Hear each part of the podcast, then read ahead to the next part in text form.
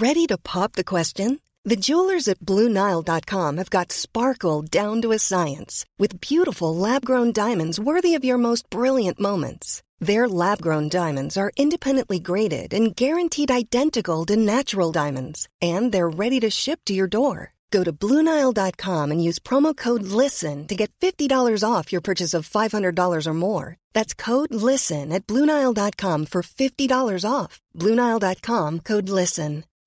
Life is full of what ifs. Some awesome, like what if AI could fold your laundry?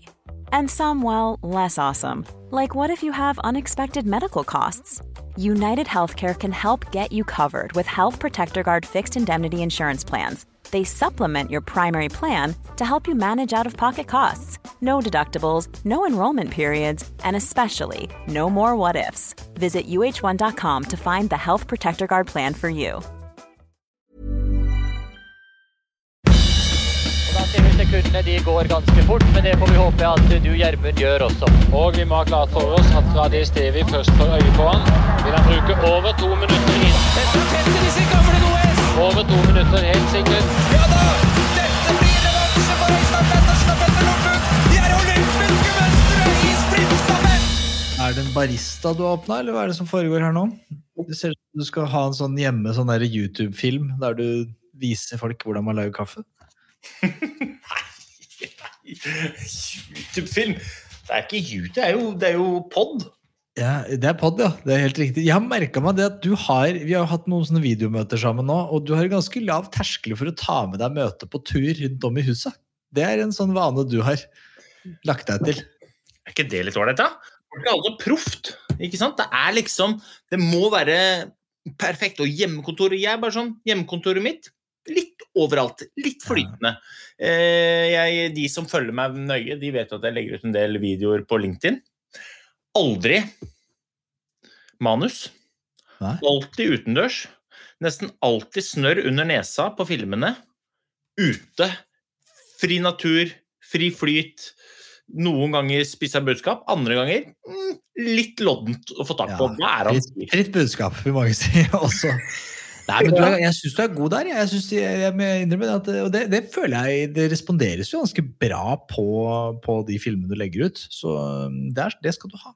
Det er kudos. Det, det setter jeg pris på. Ja, men du, apropos skryte. I dag Ja.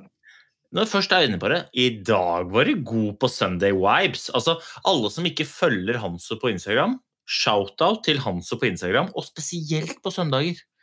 For da kommer altså en snutt. I dag var du oppe og hadde Senorita.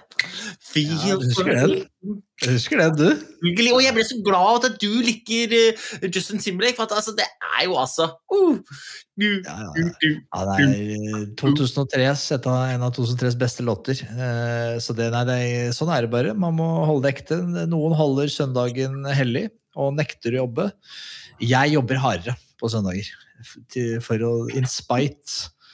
Eh, Hva er det som foregår nå? Nå ja, du, du, ja, du tar frem mikrofonen nå, ja. Du er en motpol mot uh, verdens profesjonalisme. Nei, jeg er autentisk. Ikke sant? Det er Det, er, det skal ikke være perfekt. Det er skibodden. Folk uh, forventer ikke noe mer enn at vi er oss sjæl. På vårt aller, ikke beste, men ekteste. På det jevneste. Vårt aller Og nå jevneste. begynner det snart å nærme seg. Nå skal jeg bare hente headsetet. Mens du kan fortelle folk om hva som er viktig å ha i koppen. Det det er.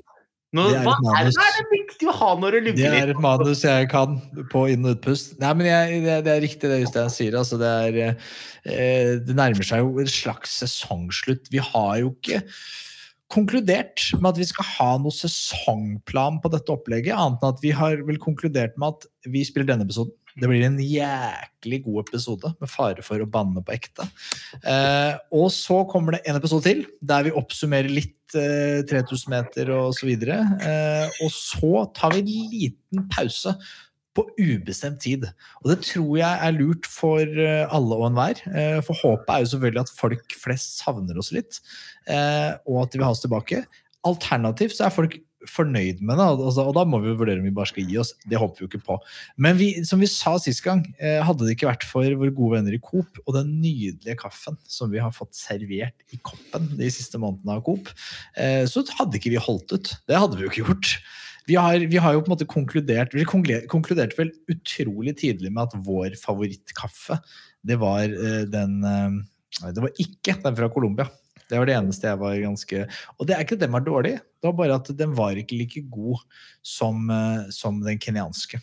Så har, du endra mening? Absolutt ikke. Men jeg har tenkt, kan det være fordi at Kenya og langrenn står sterkt i norske hjerter? Altså, Dæhlig Boit! og, og nå skal dere få en fun fact. Ja. For da jeg gikk OL for Norge, så representerte jeg Lillomarka skilag. Tror du ikke Philip Boit Ja. gikk for Lillomarka skilag? Nei, Jo, I kid you not. Representerte! Det, er, nei, det er jo guttungen til Philip, da. Men jeg har trent med Philip Boyt både sommer og vinter. Ja.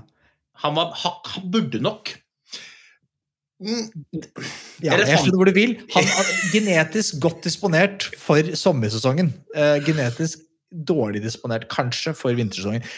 Her kommer det en brannfakkel. Jeg tror jo Jeg tror dette mener jeg hardnakket. Jeg tror at de på det afrikanske kontinentet, med fare for å gå inn i en, en tematikk her som eh, er tabu, jeg tror de dominerer oss i all idrett. Jeg tror de som kommer fra nordligere fjelltrakter i Afrika, de smadrer oss.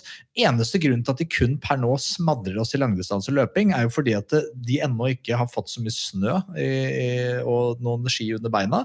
Gi det afrikanske kontinentet sykler og ski. De kommer til å knuse oss om 20 år. Eh, og det samme gjelder jo da hvis du kommer fra vestligere trakter. Så har du noen muskelfibre som er betraktelig raskere enn mine. Det tror jeg, da. Store talls lov. Det finnes jo nordmenn med raske muskelfibre, men jeg tror de er uh, further and farther apart, som det heter. Jeg ja. vet ikke om jeg, spar, jeg sparker inn vidåpne dører, men eh, jeg, det, det, jeg tror, jeg tror så, sykkelsporten er utrolig hvit. Veldig hvit sport. Og det tror jeg er, den tror jeg lever, uh, den hvite dominansen i sykkelsporten tror jeg lever på lånt tid. Men da er da spørsmålet hvorfor tror du det er sånn? Tror du det er kun genetikk? Eller tror du det er det faktum at de på en måte ikke, Kanskje ikke vil det mer, men at de har mindre alternativer? Ja, det er mulig. Fordi, og dette har jo vært litt sånn der eh, Gjert Ingebrigtsen, en, en, mann vi må ha på poden for øvrig, eh, når vi kommer tilbake igjen. Eh, kjempefascinerende fyr. Og han har jo gått litt ut og Han har vel nevnt litt den type ting som du er ute, ute og sier her. At eh, det er ikke eh, De trener bedre. De har hatt et bedre kultur for løpetrening over tid. Eh, Men så er spørsmålet da igjen hvorfor høna eller egget her? Hvorfor kommer den kulturen? Er det fordi at eh, oi, shit, her er det noen som er genetisk godt, disponert for å løpe? Så kommer de beste trenerne ned for å hjelpe de til å bli enda bedre? Eller er det fordi at eh, de beste trenerne og den, de, var, de, en eller annen grunn de er ekstremt langt tilbaketrukket i hælekappa på alle andre ting? For det må man jo si at det afrikanske kontinentet de er jo ikke i fronten av innovasjon eh, innenfor tech eller innenfor eh, den type ting. Men når det kommer til langdistanseløping og doping, så er de jo framme i sandalene. Ja, jeg, jeg bare tenker at uh, det, det, det er jo be, beviselig en veldig sterk kultur for å få fram gode løpere i noen av disse landene. Eh, Og det samme kan man jo se f.eks. i Russland. Men det som er felles for dem, er jo at de har ikke så innmari mange muligheter i de landene bor. Og hvis de klarer å komme gjennom det nåløyet og løpe innmari fort, eller gå fort på ski, så kan de jo sikre både seg selv og resten av flokken sin økonomisk i generasjoner. Ikke sant? Så Mm. kanskje de vil det mer enn en del i Vesten hvor det fins noen alternativer, og hvor det er lettere kanskje å fire bitte litt på kravet. Jeg, jeg vet ikke, men jeg har tenkt tanken. Ja, jeg, liker dette veldig godt. Jeg har en hypotese som styrker eh, din hypotese. Eh, for jeg tror sweet spoten for å lykkes i idrett, det er enten å komme fra et land som har, hvor du har så få muligheter at du har ingenting å tape på å satse alt, eller eh, komme fra et land som er så, hvor velferdsstaten står så sterkt at du er så godt ivaretatt uansett hva. Sånn som i Norge. Hvorfor ikke satse på ski? For hva er det verste som kan skje? Det, er det verste som kan skje at du tar deg en jobb i kommunen. Og det er fakkeren ikke så gærent. Det er et ganske ålreit liv. Men de som kommer fra eh, gjennomsnittslandet, der velferdsstaten er til stede, men såpass svak at du, du er nødt til å liksom, tar, Det er altfor høy risk å satse og gå all in på idrett. For da kan du risikere at du får det ganske dårlig. Alternativet er for godt, men ikke så godt at du, at du kan eh, tillate deg å satse. Ja, det, det der er spennende. Men det kan sikkert uh, Gjert uh, Det hadde vært en fin prat å ta med Gjert, faktisk. For han har jo gått til det vi mener i norsk standard er ganske ekstremt til verks. Men han har jo egentlig bare satt opp i et system tidlig. Mm. Basert på det ønsket uh, flokken hans har hatt, men òg basert på det han vet at det verdensledende kidsa fra Kenya holder på med fra tidlig alder. Jeg tror jo Gjert har vært relativt toneangivende i hva som man skal drive med den familien. Det, det, altså jeg, jeg, skjønner at, at, man kan hevde Han kommer til å stå til Dovre faller og si at det, dette valget kommer fra gut, guttene. Jeg, jeg, er dårlig på Jeg vet ikke hva slags dialekt han har. Det, hørtes ut som, Bent Høie. Ja, han gjør det. Han, vel, han har bare en talefeil, kanskje. Nei, han, er fra, han er jo fra Vestlandet. Ja, han er vel fra området, men ja. Jeg skal jobbe med min hjert, og så skal jeg ta Det kan jo være en Da har jeg jo noen uker på meg, eller kanskje måneder, hvem vet, på å øve inn en god hjerteparodi som jeg kan ta for Gjert. Han har nok hørt det før, tror jeg. Så det kan være Det skal du ikke være Men kan jeg få lov til å si noe, eller? Eller det er jo Eh, Det får være greit. Det er ja, det får være greit. Altså, Nå sitter jeg og drikker kaffen, ikke sant? Og ofte så drikker man kaffen for å komme i gang. Nå sitter jeg kaffe og drikker kaffe fordi jeg må bare roe meg ned. Okay. Den uka her, hvis jeg, skal, hvis jeg skal beskrive den uka her med ett ord, så er det følelsen av moment, altså. Følelsen av, I idretten er det flow, ikke sant? Flow det er en sånn følelse du har når du på en måte jobber hardt, jobber mye, jobber med de tingene du vil, gjør det dedikert, men du tar noen steg i den retninga du har lyst til å komme i. Og den uka her sånn, i nesten alle deler av mitt uh, lille uh, liv, Ja. så har jeg følt altså moment Hadde dere sett meg nå, så Jeg skal ikke si at jeg har roser i kinnene, for det vet jeg ikke om jeg har, men jeg føler at jeg Ja, sitter her er nå og koser, er koser meg. Ja, ja, så det, det har vært deilig. Jeg, jeg, jeg var ute og jogga i stad, f.eks. Og da, bare, da tok jeg meg sjæl i å Du vet den der følelsen når du jogger, og så smiler du, og så tar du liksom og Du hopper litt hvert tredje-fjerde steg. Altså, sånn jogga jeg. Og det er ikke fordi Det er ikke tilfeldig. Altså, det er bare følelsen av moment. Som kommer fordi at jeg i denne uka her har vært dyktig til å gjøre de tingene som skal til. Altså. Mm! Ja, ja, ja, ja. Nei, jeg ser det på. Det er jo et, det er jo et snedig valg av sentralstimulerende middel å velge koffein for å wind down etter en tøff uke, men um, det er vel det de gir folk med ADHD, er det ikke det? Det banker dem jo i, i sånn der eh, speed, eh, Ritalin, for at det har en slags omvendt effekt på de menneskene. Jeg drar det rett inn jeg drar det rett inn i PubMeds uransakelige oh. verden. Nei, men det, det er godt å se. Jeg, jeg trives jo jeg når du trives. Det gjør meg lykkelig. Så det jeg tror jeg gjelder alle andre som hører på. Altså, du har jo, Vi kan jo tease mm, lytterne våre med å si at uh, vi, vi, vi er jo bare på Vi har ikke begynt på stigen engang. Altså, vi, har knapt, vi er i ferd med å spenne en bue, og den buen den er laget av karbon. Og i den fjæra, altså den er så stram nå. Vi holder den, pin, vi holder den pila. Og når vi slipper den pila, folkens Shit pommes frites! Det er ikke noe vits å gjemme seg, for den kommer der hvor du er. Det er en sånn varmesøkende pil. Det kommer til å merkes. da, så Vi, vi gleder oss til fortsettelsen. Det, det, jeg, jeg sa det i litt når du var ute, at vi, vi har jo vi har skumle hensikter i positiv forstand. da, Det skal komme mer baluba fra oss, og vi håper jo at det, det, er stadig vekk altså tar vi oss, som måtte si det igjen, vi setter så utrolig pris på at folk eh, syns det forhåpentligvis er gøy å være med litt på reisen da, når vi famler rundt i blinde. Vi er, vi er jo bare de vi er, men det er tydeligvis godt nok for en del, da, og det setter vi veldig stor pris på. Så lover vi, på at, vi lover at vi skal bli bedre og bedre. Og det er vel det du sier med Moment, da vi føler at vi liksom tar noen steg, eh, også eh, på podding. Eh, forhåpentligvis. Inshallah. Inshallah, som de sier. Men apropos eh, være med på reisen og tjo Eh, er For at vi, har jo, vi er jo på vei mot eh, 3000 meter eh, her nå. Det stemmer. Vi, eh, det er, vi er på vei mot 3000 meter. Eh, Vi, vi som eh, følger deg, Øystein, i sosiale medier, vi ser at du har lada opp på en litt spesiell måte, eh, rent sånn gnagsårteknisk. Å, fy faen. Altså, for jeg nevnte det sist, gjorde jeg ikke det? At jeg hadde en sånn inline-tur der uten sokker. Altså det, det, det bare eskalerte, vet du. For at jeg er en sånn derre Jeg prøver å være en sånn Martin Sundby light. Ja. Men det er jeg jo ikke. Altså, jeg er jo ikke det. Jeg er jo Gnagsårene gror nok raskere på Martin.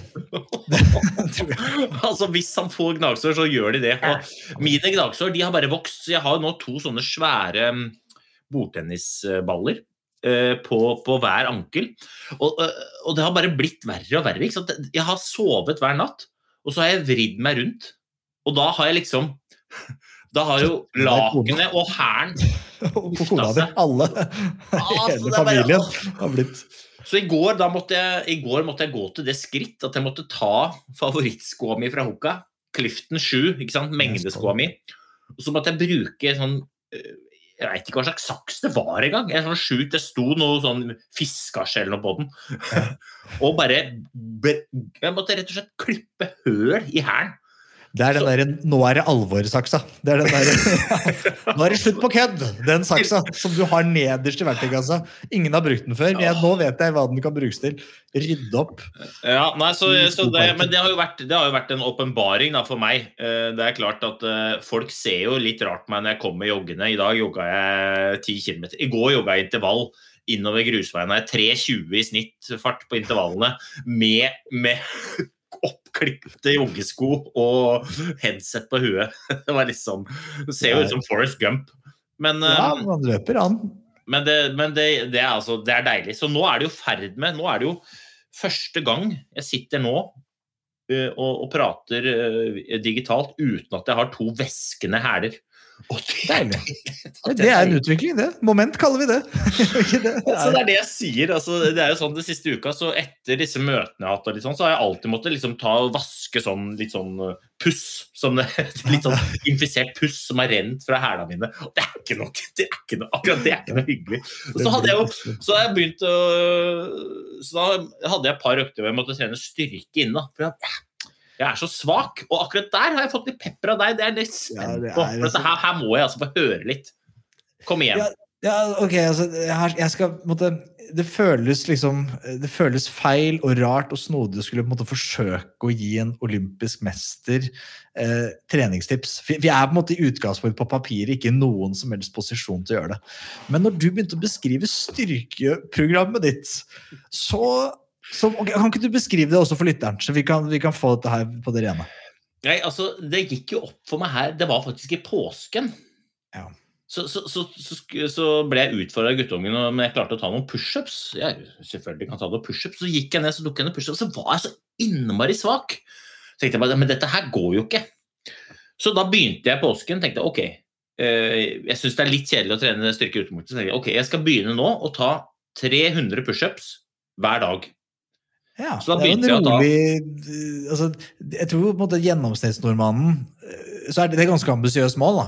Eh, Sånn uansett. Uavhengig om det er smart å gjøre det eller ei, så er det ganske sånn ambisiøst mål å sette seg. Men ok, fortsett. For det, Ja, hver nei- eneste dag 300 pushups. Ja, Så det har jeg gjort. Eh, Og det Og gjør du det da i én jeg tror ikke trent, Det er ikke 300 pushups ganger én? Det er ikke ett sett? nei, nei, langt derfra. I starten så var jeg alltid på å daue. Hvis jeg tok ordentlig pushups, så syntes jeg det var ordentlig tungt. Kom til 20, liksom. Så, må jeg ta pause. Så da, så da måtte jeg eh, Så jeg har delt opp, da. Men nå kjører jeg da Nå har jeg kommet opp på et nivå hvor liksom 50 ordentlige pushups, det går greit. Så nå kjører jeg 50 pushups seks ganger i løpet av dagen. Eh, Men, Ok, men, det er ikke noe system? Så det er ikke noe sånn så Restitusjonstiden mellom de, den varierer Nei, helt? nei, det varierer litt på tid og lyst og sånn. Nei, og så kjøpte jeg meg et sånt um, hangup-stativ. Det har jeg sett. på, på nettet. Et billett. Uff, det var dårlig, tror jeg. Men hvert fall, Og så tenkte jeg ok, greit. Jeg begynte å ta hangups. Jeg var jo så innmari dårlig hangups òg. Dette her med, her med skjerpe meg, så da begynte jeg med å kjøre sånn uh, serie. Uh, 10, 9, 8, 7, 6, 5, 4, 3, 2, 1. 1, 2, 3, 4, 5, 6, 7, 8, 9, 10. Ja. Så, da jeg, så da kjører jeg den også hver dag. Pyramide, altså en slags intervallpyramide, men i styrketreningsformat. Så det er bare at eh, jeg kjører noen hangups, og så bare for å ha ha noe fokus på hva jeg skal gjøre, så har jeg bare satt opp det. Det er ikke noe, det er ikke noe mål og mening utover at jeg tenker jeg skal bli sterkere. Ja, hvor, Og så, og så er det jo da, på dette hangup-systemet, så er det også sånn Jeg kan ta dips. Ja. Så da tar jeg eh, 200 dips eh, også hver dag, da. Så det er det, det er det som er styrkeprogrammet. Eh, jeg tar 300 pushups, de der hangups-greia, og så tar jeg 200 dips. Men, men jeg fordeler alt minus hangups-greiene, for det gjør jeg når jeg først er der nede. Det, det fordeler jeg litt utover dagen. Så for Ja, for- eksempel 30, 30 pushups mens du venter på at kaffemaskinen skal varme seg. Og så? Ja, sånn er det. Ja, nei, for at, på, på, eh, altså, og da mine ankepunkter, da, sånn igjen til dere lyttere som hører på, hvor, dette er det noe gærent i dette. Altså, nei, altså eh, Min umiddelbare tanke, da Og igjen, jeg, jeg er jo ikke noe Det finnes jo vi kunne hatt masse gjester som kan dette mye bedre enn meg. Altså, jeg, bare, jeg er en nerd, ikke sant? så jeg leser på PubMed. Jeg er veldig nysgjerrig, jeg ønsker å optimere min egen enkle hverdag. Uh, og slik jeg skjønner det, så er det noen ting her, og det ene er jo på en måte restitusjon. Det er veldig viktig. Det gjelder også kondisjonstrening og det gjelder styrketrening. Og kroppen jo, responderer litt ulikt på ulik type form for treningsform. Og når det kommer til styrke, så min umiddelbare tanke er at det er volumet her er altfor voldsomt. Altså jeg, jeg tror ikke, og Her er det igjen det er genetiske forskjeller, så det kan jo være du har en, en ekstrem god evne til å restituere deg, men sannsynligvis ikke så god. Så det vil si at jeg tror at du, dette ikke er bærekraftig, og du bryter bare ned kroppen din. Det er sånn min umiddelbare tanke. Eh, en annen ting som jeg tok opp her, var vel at en, en, et ekstremt viktig element av styrketrening, og det gjelder jo for så vidt også annen, styrke, nei, annen trening, men, men spesielt når det kommer til styrke, da, så er dette med, med, med altså Man må øke belastningen progressivt, altså progressive overload. Det prinsippet er ekstremt viktig. Det vil si at du for hver gang du trener da, og du har restituert, så må du på en måte øke belastningen, enten i form av flere repetisjoner, og, og etter hvert, da, når du kommer opp i veldig høyt volum, så må du øke motstanden, øke vekta på et eller annet vis. Da. Enten ved å ha en tung vektvest på, eller å ha noen stang med noe styrkevekter på. Igjen, Det kommer litt an på hva man ønsker å optimere for. Da. Så Hvis man ønsker å ha veldig utholdende muskler, så må du øke repetisjon. Hvis du ønsker å ha mer eksplosiv styrke, så må du øke i vekt eller belastning. Um, og det er vel de to tingene som jeg reagerer på med ditt styrketreningsprogram. At det, nummer én inneholder for lite restitusjon, og, for- og så er det litt for lite systematisk, kanskje. Og nummer to at det er for lite fokus på å øke belastningen progressivt. Så, Men, men når du prater, eh, er det sånn at jeg egentlig driver med litt seig, seig utholdenhetstrening? Er det det jeg driver med, mer enn styrketrening?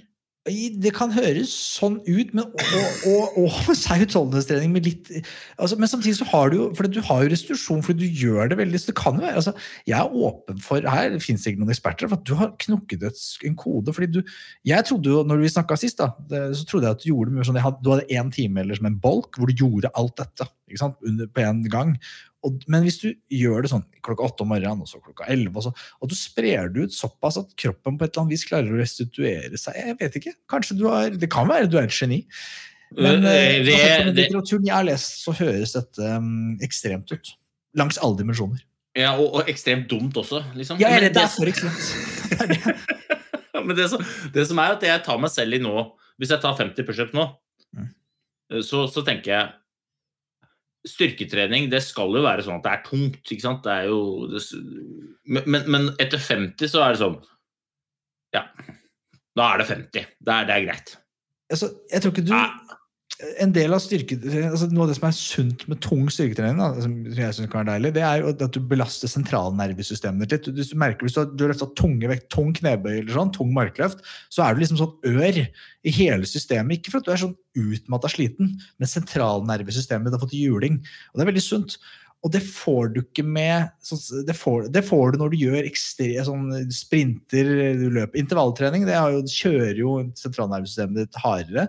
Men sånn seig kondisjonstrening i liten grad. Og sånn seig styrketrening i liten grad. Så eh, jeg tror liksom du, du er veldig skånsom mot sentralnervesystemet ditt. Annika. Ja, ja fordi at eh, på fredag da På fredag så jobba jeg for uh, Riksrevisjonen. Stort eh, Jovial gjeng. og jovial gjeng. Jeg og Per Christian Foss eh, hadde første time der. Og så hadde, var det en liten break hvor de hadde en Kahoot. Ja, Og da smalt-. Og, og da smalt jeg inn 200 pushups og 100 dips. ikke sant? Så mens de kjørte Kahoot, så hadde jeg liksom en litt Og så var jeg på igjen. Pratet jeg om, uh, som, vi, eh, da prata jeg om utfordringer med samhandling i team. Rett før Rett ned og gønna noen pushups på gulvet. Så Nei, men, Men- jeg, men, Det er jo eh, bra ja. at du trener, men jeg, jeg tror at hvis jeg var deg, så ville jeg da Mine tips Jeg tror vi må få på en ekspert. Kanskje dagens uh, gjest kan dette. Han kan nok mye mer enn uh, de fleste. Uh, men jeg tror liksom det er en eller annen form for vektvest eller noen måte å ha litt øke belastningen på. Så du, det tror jeg ville vært en god Om du øker med noen kilo hver uke eller sånn. Ja. Så tror jeg du vil oppleve noe- bedre resultater. da. Men, ofte, Det er egentlig ikke noe problem, fordi at eh, de mengdene smågodt jeg døtter i gapet på lørdager, gjør jo at jeg på en måte Jeg, jeg jobber jo litt med den gjør daglig. At du har en slags innebygd, en medbrakt. Jeg kjører medbrakt, det går greit. Fordi at det, det, det, det er jeg i hvert fall sikker på at det er ingen som, som ser meg ta hangup, som sier «Øh, du burde legge på litt vekt. det, det, det er det ikke. Det, det er tungt nok. Ja, nei, det, ja, nei du, er jo, du er jo en veldig godt trent mann, og det tror jeg dette her beviser. Men jeg kjører jo en helt særegen eh, opptrening til eh, 3000 meter selv. Eh, Og, jeg, og jeg, har liksom, jeg har nok konkludert allerede med at 3000 meter det er nok ikke min greie, og det, det kommer av min skjøre eh, kropp. Så, så jeg, men jeg har jo da, eh, som jeg sa sist uke, vært eh, og fått ordna meg og fått kjøpt en eh, romaskin. Som har jeg, jeg har tenkt i mange år at det har jeg kjempelyst på. Korona kom, og da tenkte, så har jeg måtte, sett litt på det og sikla litt. Det, jo, altså, koster jo litt, men det er faderen ikke så dyrt. Ta kontakt med Paul. Sportsmaster sier er det mulig. Jeg antar det alle andre spør, og så sier han jo da jeg får inn et uh, haug av sånne Cebex Air Rover. og det er, altså det er, Dette er sånn romaskin som man har på gymmen. Det sa jeg jo sist. Den tar jo litt plass. altså Den er 2,5 meter lang. Ganske, men, ganske, men du kan sette den opp og sette den inn til kroker. så Jeg har funnet en måte å lagre den på nå, så da ser det ikke så gærent ut. altså. Eh, Og den sitter jeg ror på. Jeg ror stort sett daglig. altså. Eh, Og, og, men det jeg merker at det er litt vanskelig, jeg har ikke fått ordna altså, mattesystem, så jeg får ikke rodd. Jeg har lyst til å ro intervaller. Det er jo det som monner. Eh, Det har jeg ikke fått så jeg har hatt noen sånne seige roøkter. I dag, eksempel, Liège, Baston Liège går på TV. En av de råeste klassikerne som er i sykkelsesongen. Jeg kobler meg opp. Mats Kaggestad, Christian Polske på TV-en, eh, og ror eh, rolige 10 000 meter. Eh, og da begynner jeg å kjenne at jeg træler i fingrene og sånn. Men hva syns du om, hva syns du om vinneren? Hva, had, følte du litt med Ala Filip der, eller? Uh, Ala Filip, han jeg, jeg, jeg er ikke så altså Ala Filip er jo, en, er jo en, et fyrverkeri av en, eh, av en syklist. Og, og når jeg så innspurten her, så heia jeg på gamle Valverde. Gamle Fylte 41 år i dag. Han, han har vunnet det fire ganger før. Man kunne blitt historisk. Vinne femte, en femte gang. Og vet du hvem den eneste som har vunnet Liège Basson Liège fem ganger, er? Eddie Merx. Det er lett å gjette, og det er, der er du god. Du kan din sykkel, du, pølse. Ja, så du ja, så tror du Tror du ikke at vi skal kose oss på sykkelen til sommeren, da? Fy vi flate, vi skal jo på eventyr. Og så når jeg sitter og hører du snakker om eh, roing, så kommer jeg jo på at eh, en av de pokalene som var sånn sikkerhetsansvarlig på 71 grader nord, Ja. han rodde over Atlanteren. Hæ? Deg og meg. Deg og meg og bare eh, over Atlanteren. Altså, Jeg er ikke fremmed for det, jeg. i det hele Nei, tatt. det- det var akkurat det jeg tenkte. 3000 meter, vi må ha et par ting inne på agendaen der. Ja, ja, fordi at jeg skal løpe Jeg sa jo sist at jeg skulle løpe på torsdag. Ja. Eh, Men det skal jeg ikke. Jeg skal løpe på arbeidernes dag 1. mai. Lørdag 1. mai. Da smeller det. Eh, Og jeg har ikke lov til å reklamere. Av eh, koronahensyn så har jeg ikke lov til å reklamere om hvor jeg skal gjøre det. Eh, Men det kan hende at jeg sender ut en eh, liten informasjon til en bitte liten kohort. Ja. Det kan det være. Og når skal du løpe? Vi i Oslo-avdelingen, hele Oslo-delen av redaksjonen, har eh, tenkt seg om, bestemt seg for at vi skal løpe på torsdagen. Torsdag, jeg vet ikke hvilken dato det blir. Det blir da 29. april. Da går det ned i Oslo. Eh, da skal det løpes klokken 17.00. Og her, det er jo ikke lov å reklamere av koronahensyn, men dersom du har joggeskoene parat og du befinner deg i Oslo, tilfeldigvis i nærheten av Sportsplassen eh, 11, som heter på Google, eh, som er adresse Jomfrubråtveien 61. En sportsplass mellom Ekeberg og Nordstrand der. Hvis du vil være med, så er det greit. Der kommer i hvert fall jeg til å være. Det kommer til å være en liten kohort med meg, eh, og vi skal eh, prøve å løpe 30 meter så raskt vi kan. Men det er klart, oppladninga er feil. Jeg tenkte jeg skulle ha én sånn siste sånn Thomas Alsgaard intervalløkt nå i morgen eller på tirsdag. Når er best? Eh, jeg skal ha i morgen. Du skal i morgen. Men jeg skal løpe på lørdag, før lørdagen. Ja, nei, jeg tenker i morgen og torsdag. Men det er litt fordi at jeg er litt pressa på tid òg. Ja, men når vil du anbefale meg hvis du skal sånne ting? Du har null form. Sånn som Petter Northug når han kommer sladdende inn i Lahti. Hva gjør han da? Er det intervaller på jeg, jeg vet det. det. Er et spørsmål vi må stille Petter, men jeg tror ikke du får gjort så mye annet med formen nå enn eventuelt å bekrefte at den er dårlig. Ja, den er greit. Den er grei. Den er grei. Det? Vi babler og surrer. Ja, men, men du, Ja. men du. Dagens gjest. Yes. Hvilke forhold har du til dagens gjest? Han er jo hele Norges ekspert. Da. Han er jo, altså, dagens gjest er jo vært et, en, en ønskegjest. Altså, han er den ultimate ønske- og drømmegjesten i podkasten. Jeg, tror- jeg tror faktisk at vi, han ble name-droppa allerede i episode én av dette eventyret av en podkast. Eh, og vi har forsøkt å få han som gjest ved et par anledninger, tror jeg, og det har ikke passa helt, fordi han er opptatt. Han er, med, han er jo i media, og han driver og går langløp, og han, han driver jo, han er på Instagram. Han er jo halv Instagram. Altså, han, er, altså, er, han er så mye, han er overalt, han er så flott, han er så kunnskapsrik. Eh, og vi har jo Petter Skinstad vi som gjest, og jeg gleder meg altså så mye. Vi spiller jo inn denne introen om du vil, nå søndag, søndag kveld. Det merker man jo. Det er jo fullstendig Sklir jo helt ut. Eh, dagens gjest han, jo, han holder jo søndagen, eh, om ikke han er hellig, jeg vet ikke hva han driver med, går langt på ski sannsynligvis. Så han har jo ønska han at han sa at jeg har en liten lomme mandag grytidlig morgen. Så vi har jo padd i morgen tidlig vi, med han.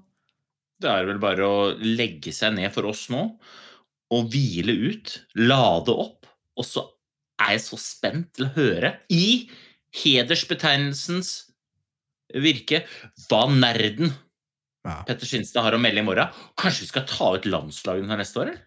Om vi skal. altså Petter har jo sikkert tatt ut det for lenge siden, men jeg gleder meg til å høre fasit. Det gjør Bjervik òg. Det gjør vi alle. Ok, vi snakkes i morgen tidlig. Hei. Vi, eh, Øystein, vi har jo hatt en, en, eh, drømmegjest. Vi sa det jo i går kveld da vi spilte inn introen. Uh, siden virkelig før podden her starta.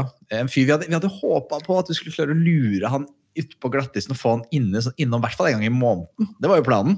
Uh, vi har prøvd, noen ganger, har ikke passa, Uh, men endelig. Vi nærmer oss slutten av skal vi kalle det en sesong. Og velkommen til podden vår, Petter Skinstad. Jo, tusen takk. Jeg syns kanskje ikke de har spurt så mange ganger da, som det de skal ha det til sjøl. Jeg hører jo på podkasten deres, jeg nevnes jo stadig vekk som en veldig travel type som de spør og spør etter. Og jeg tror jeg har fått spørsmål sånn to ganger eller sånn. da, så det, det, det er eh, Ja, det er mulig det er litt sånn eh, Vi trenger kanskje en forventningsavklaring først på hva mange spørsmål er, da. Men eh, jeg stilte veldig gladelig opp i dag og syns det er utrolig moro å ha hørt på dere nå på skiturer i, i lang, lang tid. Det er jo de få ganger jeg får lov til å gå alene på ski, så har jeg alltid med, med gode venner på øret. Så da var det moro å, å endelig få lov til å være med. Ja, men det er bra. Altså, du er uten tvil den, altså, den mest requesta gjesten fra redaksjonen. Da. Eh, så det sier vel kanskje mer om hvor mye hvor hardt vi jobber for å få gjester generelt. Så vi må jo skru opp. Vi må, vi må skru opp eh, Alt må skrus opp for ny sesong. Men det er, kjempe, det er kjempestas at du, du, du kom innom. Du er jo en ekstremt kunnskapsrik fyr. Du er en fyr som, som, og det, jo, det passer fint. Vi tenkte liksom å bruke anledningen i dag til å oppsummere litt sesongen. Eh, Det skal jo tas ut nye landslag. eh, og Jeg antar du allerede har fasit, eh, som vi kan sende til Bjervik. Det er, fall- det er målet for episoden. da, det er å lage en fasit. Og aller først, Vi liker alltid å få sånn geografisk forståelse. Er du, du er ikke i skigym nå? Jeg er ikke i skigym. Vi har enda til gode å henge opp litt sånn god gammeldags kunst på veggene i skigym, så jeg er da i Sørreisa, i et feriehus som kjæresten min har her. Så det er langt fra skigym til Sørreisa, men det er fint her og fine skiforhold. Ja, for du gikk, I går gikk du, du gikk rundt på vann. Du har liksom slengt deg på den der gå rundt vann-bølgen. Ja, altså litt. Eh, Jeg har noen kompiser her som var veldig inspirert av nettopp den gå på vann-bølgen, som skulle gå 100 km. Da. Eh, Og jeg har gått 100 km før, på en måte, så jeg hadde ikke noe sånn veldig behov for å gjøre det akkurat i går. Men så tenkte jeg at nei, jeg får jo slenge meg med dem og, og ta, en, uh, ta et par runder med dem. Altså, jeg ble med på tre runder, da, så at vannet var jo 20 km rundt. altså jeg gikk seks mil, jeg, da. Og bidro med litt eh, moralsk støtte. Ja, og, var- og, og, og, kanskje litt kompetanse sånn faglig sett, for at det er jo han som nevnte litt. Altså, du er jo et orakel når det kommer til altså, langrennsfakta. Ikke bare sånn det man ser på TV, men du får jo mer alt. Og, og jeg, har, altså, jeg, lurer, jeg har noen spørsmål rundt de greiene. her, sånn, hvordan er det mulig å få med seg alle resultater, alle Altså, du får med deg alt som skjer. Altså, det går ikke an at uh, noen slipper en fjert uten at det fanges opp av en familie med navn Skinstad. Åssen er det mulig? Nei, altså oss tre, altså Morten Brutter'n da, og, og fattern Åge, vi tre sammen, vi får nok med oss det meste. da, Du har jo, det, det går jo noen SMS-er fram eh, tilbake i løpet av en dag, da, det skal sies. Men altså, jeg, jeg prøver å følge meg på, eh, på Twitter og Instagram, og så, og så er jeg en del inne på FIS-appen, hvis det går an å kalle seg en hobby. da, Så sitter jeg litt inne på, på FIS-appen og så ser jeg at ah, jøss, har vi skirenn i Iran? Jeg lurer på mange som har vært med på skirenn i Iran. Ja, så da går jeg nå bare inn og så ser og så er det Settar Zaid eller noe sånt som har vunnet der. da, Og så tenker jeg at ja, ja, men det var bra, Settar. Nå er du på gang. Nå er du klar for nytt OL. Og så ser du at det har vært noen rulleskirenn i Australia, og så tenker du jøss yes, litt, litt av Det er ikke det at jeg nødvendigvis tenker at dette kommer jeg til å få bruk for, men det, det er en sånn, der, sånn konstant eh, nysgjerrighet som ligger der. Da, og samtidig så plages jeg hele tida litt, for det er en sånn slags eh, vedtatt sannhet i media da, at det er bare nordmenn som driver med langrenn. Så Derfor så tiltrekkes seg litt av alt som ikke er norsk da, og langrenn. Så hvis jeg kjører bil hvor som helst i hele verden og ser ei rulleskiløype, så blir jeg sånn superbegeistra. Sånn, ah, shit, rulleskiløype! Eller, eh, eller, en, eller en snøkanon. Eller kanskje noen skiskytterblinker. Altså, for jeg ser på skiskyting som en slags eh, fetter til langrenn. Eh, så så det, det, går, det surrer og går på en måte hele tida der, da. Så, Men, men da eh, Hvis du skal liksom rangere, hvem er den største nerden av dere tre? Altså, Er det deg, er det Morten, eller er det Åge? Nei, Hvem altså, kan mest? Nei, altså, fattern er bra på mye. Uh, han, han, uh, han er litt sånn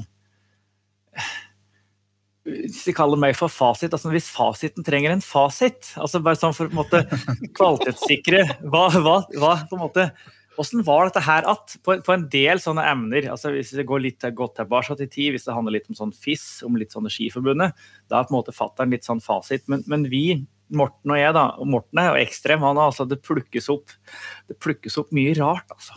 Så, så, så det, det er eh, Om det er Morten eller meg som er mest nerd og, og veit mest, det vet jeg ikke. Men jeg, jeg, får, jeg får si jeg er åtte år eldre enn brutter'n, da. Så jeg har jo åtte år mer med, med nerding. Vi, altså, vi snakker da om en og Dette er fakta, da. Altså, Bjørn Dæhlie er jo da gudfaren min. Eh, Og fattern var jo langrennsløper sjøl, så, så mutter'n var mye aleine med meg da jeg var liten. Og da ble jeg satt i en saccosekk framfor TV-en, og så satte de på skirenn. For da holdt jeg det minste kjeft og satt i ro. Eh, Så det er på en måte fått inn fra begge, begge kanter her, da. Så ja. Men er det sånn, altså Drillo er jo sånn ekstremt på geografi. Er det sånn at dere kan sitte over middag, og så kan noen si f.eks. sjuendeplass 18. januar 93, og så kommer liksom navnet bare smellende opp da? Nei, nei altså det, det, det, jeg vil ikke si at det, er ikke helt sånn. Altså det er ikke sånn at du, klarer å Nei, men det, det, er mer sånn, det er mer sånn at du på en måte kommer inn på en fyr. da. La, la oss nå si Torgny, Torgny Mogren, da, som kanskje var på sjuendeplass en gang i 93. da. Og så på en måte spinner dette der bare videre. da. Og så bare sånn Ja, faen, han var kanskje nummer sju. Altså det, det, altså det må, så Jeg sitter ikke og husker sånn, akkurat sånne resultater og sånne ting. Der er det nok folk som er eh, er råere, altså, som er mer opptatt av den statistikkbiten. Jeg er mer på en måte interessert i langrenn som eh, ja. Men, de, men de noen, de har samme etternavn.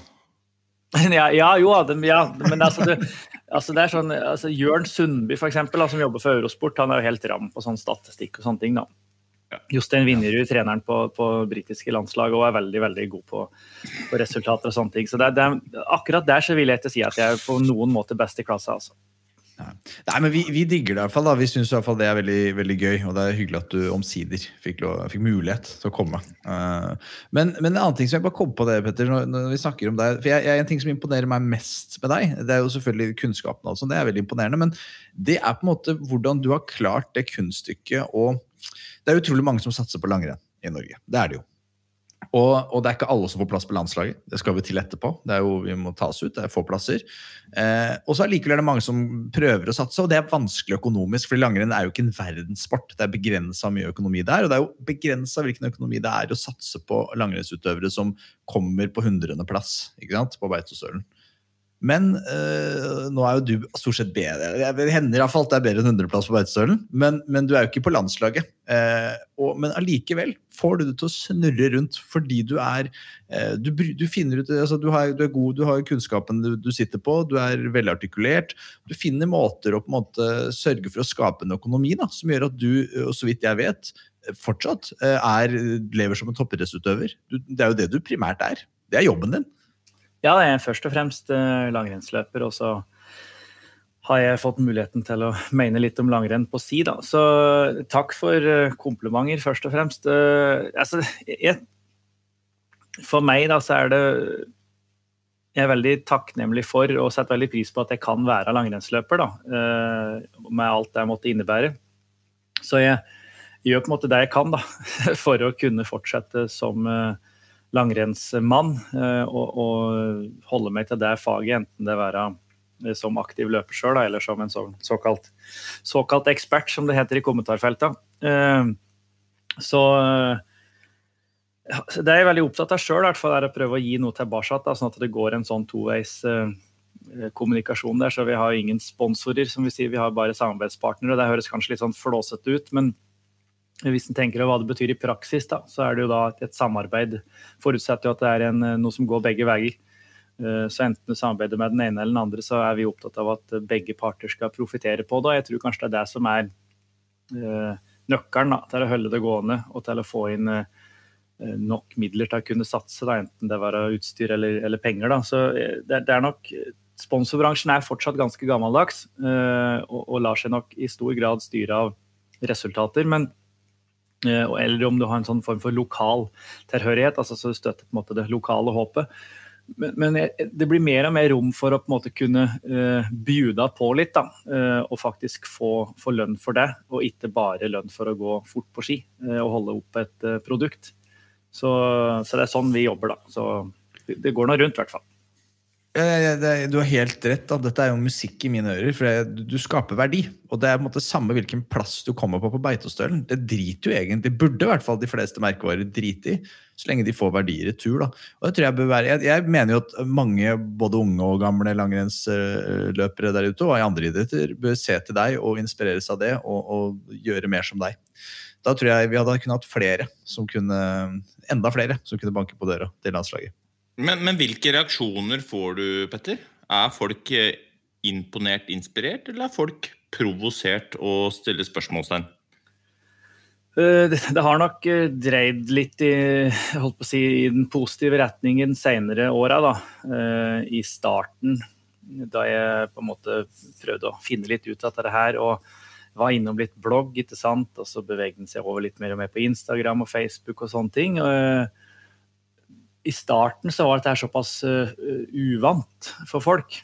Én uh, ting var i langrennsmiljøet, altså det var ikke så mange som markedsførte seg sjøl på den måten og stakk seg fram på den måten. Da, uh, da var, hadde du sponsorbil, så det var på en måte det nok. da, så Du viste fram noen merker når du kjørte rundt. Så da, da, fikk jeg en del eh, drit, altså. Både som junior og ung senior så har jeg fått folk har slengt mye med leppa, og, og det vet jeg har gått mye Blitt pratet bak ryggen på meg og fått høre litt her og der ifra skimiljøet både eh, på Østlandet og i Trøndelag og nordpå sånn, med folk som har slengt med leppa og, og, på en måte gjort litt narr av meg. da. Men, men, det, men det er jo eh, Jeg bruker å si at det største komplimentet du kan få i Norge, er at noen er misunnelig på deg. da. Eh, For det er jo litt sånn landet vi lever i, og janteloven og alt sånt, så, så det er skummelt å stikke seg ut. Så det er litt sånn medaljens bakside, at ved å stikke deg ut, så risikerer du å få deg tilbake. Og, og jeg har fått slengt med leppa etter meg helt til barneskolen som langrennsløper, og pga. Ja, fattern og, og, og, litt sånn, da. Eh, Så jeg har på en måte fått litt, blitt litt hardhuda og blitt litt vant til det. Men nå som kaller det influensere og sånne ting har blitt eh, mye vanligere i, i medier generelt. Da. Og sosiale medier har på en måte vokst til noe mer, og en, en form for eh, et utstillingsvindu for så mye og så mangt. Så da, eh, da har på en måte folk blitt mer sånn at ja, ja, han fortsetter nå bare, han, så det er ikke noe, vi får ikke tatt han. så og, og det er litt fascinerende da, at det er nesten sånn jo fortere folk går på ski, jo hyggeligere er de knyttet til det jeg holder på med. Eh, Så de løpere jeg kanskje får mest ros fra, er jo landslagsløpere. Eh, Og andre seriøse, hardtsatsende utøvere som, som på en måte kjenner til litt dette her, da, og skjønner hva som ligger bak, og hva som kreves for å kunne holde det gående. Men tror du at For, det, for det, det, jeg, jeg kjenner at jeg, jeg tror du har helt rett. da. Jeg tror du har helt rett at Det er en sånn, det er, er en sånn jantelovs norsk kultur. Og jeg tror kanskje spesielt i konservative miljøer, som jeg, jeg ser at skimiljøet nå en gang er, eh, at endring tar lang tid. Eh, er det sånn at du tror at det kan være at hemmelig unge talenter? At de ikke tør å finne sin vei helt? At de må forholde seg til de løypene som Bjørn Dæhlie gikk opp for mange år siden, som funka for han? De, og det gjelder på alle områder, ikke bare på hvordan de promoterer seg selv og skaffer en business eh, som gjør at de klarer å få det til å snurre, men også på trening og på en del ting. At det, du blir sett litt ned på du, hvis du tør å gå din egen vei. Ja, absolutt. Altså, jeg kan jo, hvis en tar utgangspunkt i det som vi akkurat pratet om, da, med sosiale medier og sånne ting, så er jeg helt sikker på at det er veldig veldig mange langrennsløpere uh, og idrettsutøvere generelt som kvier seg for å legge ut ting på Instagram.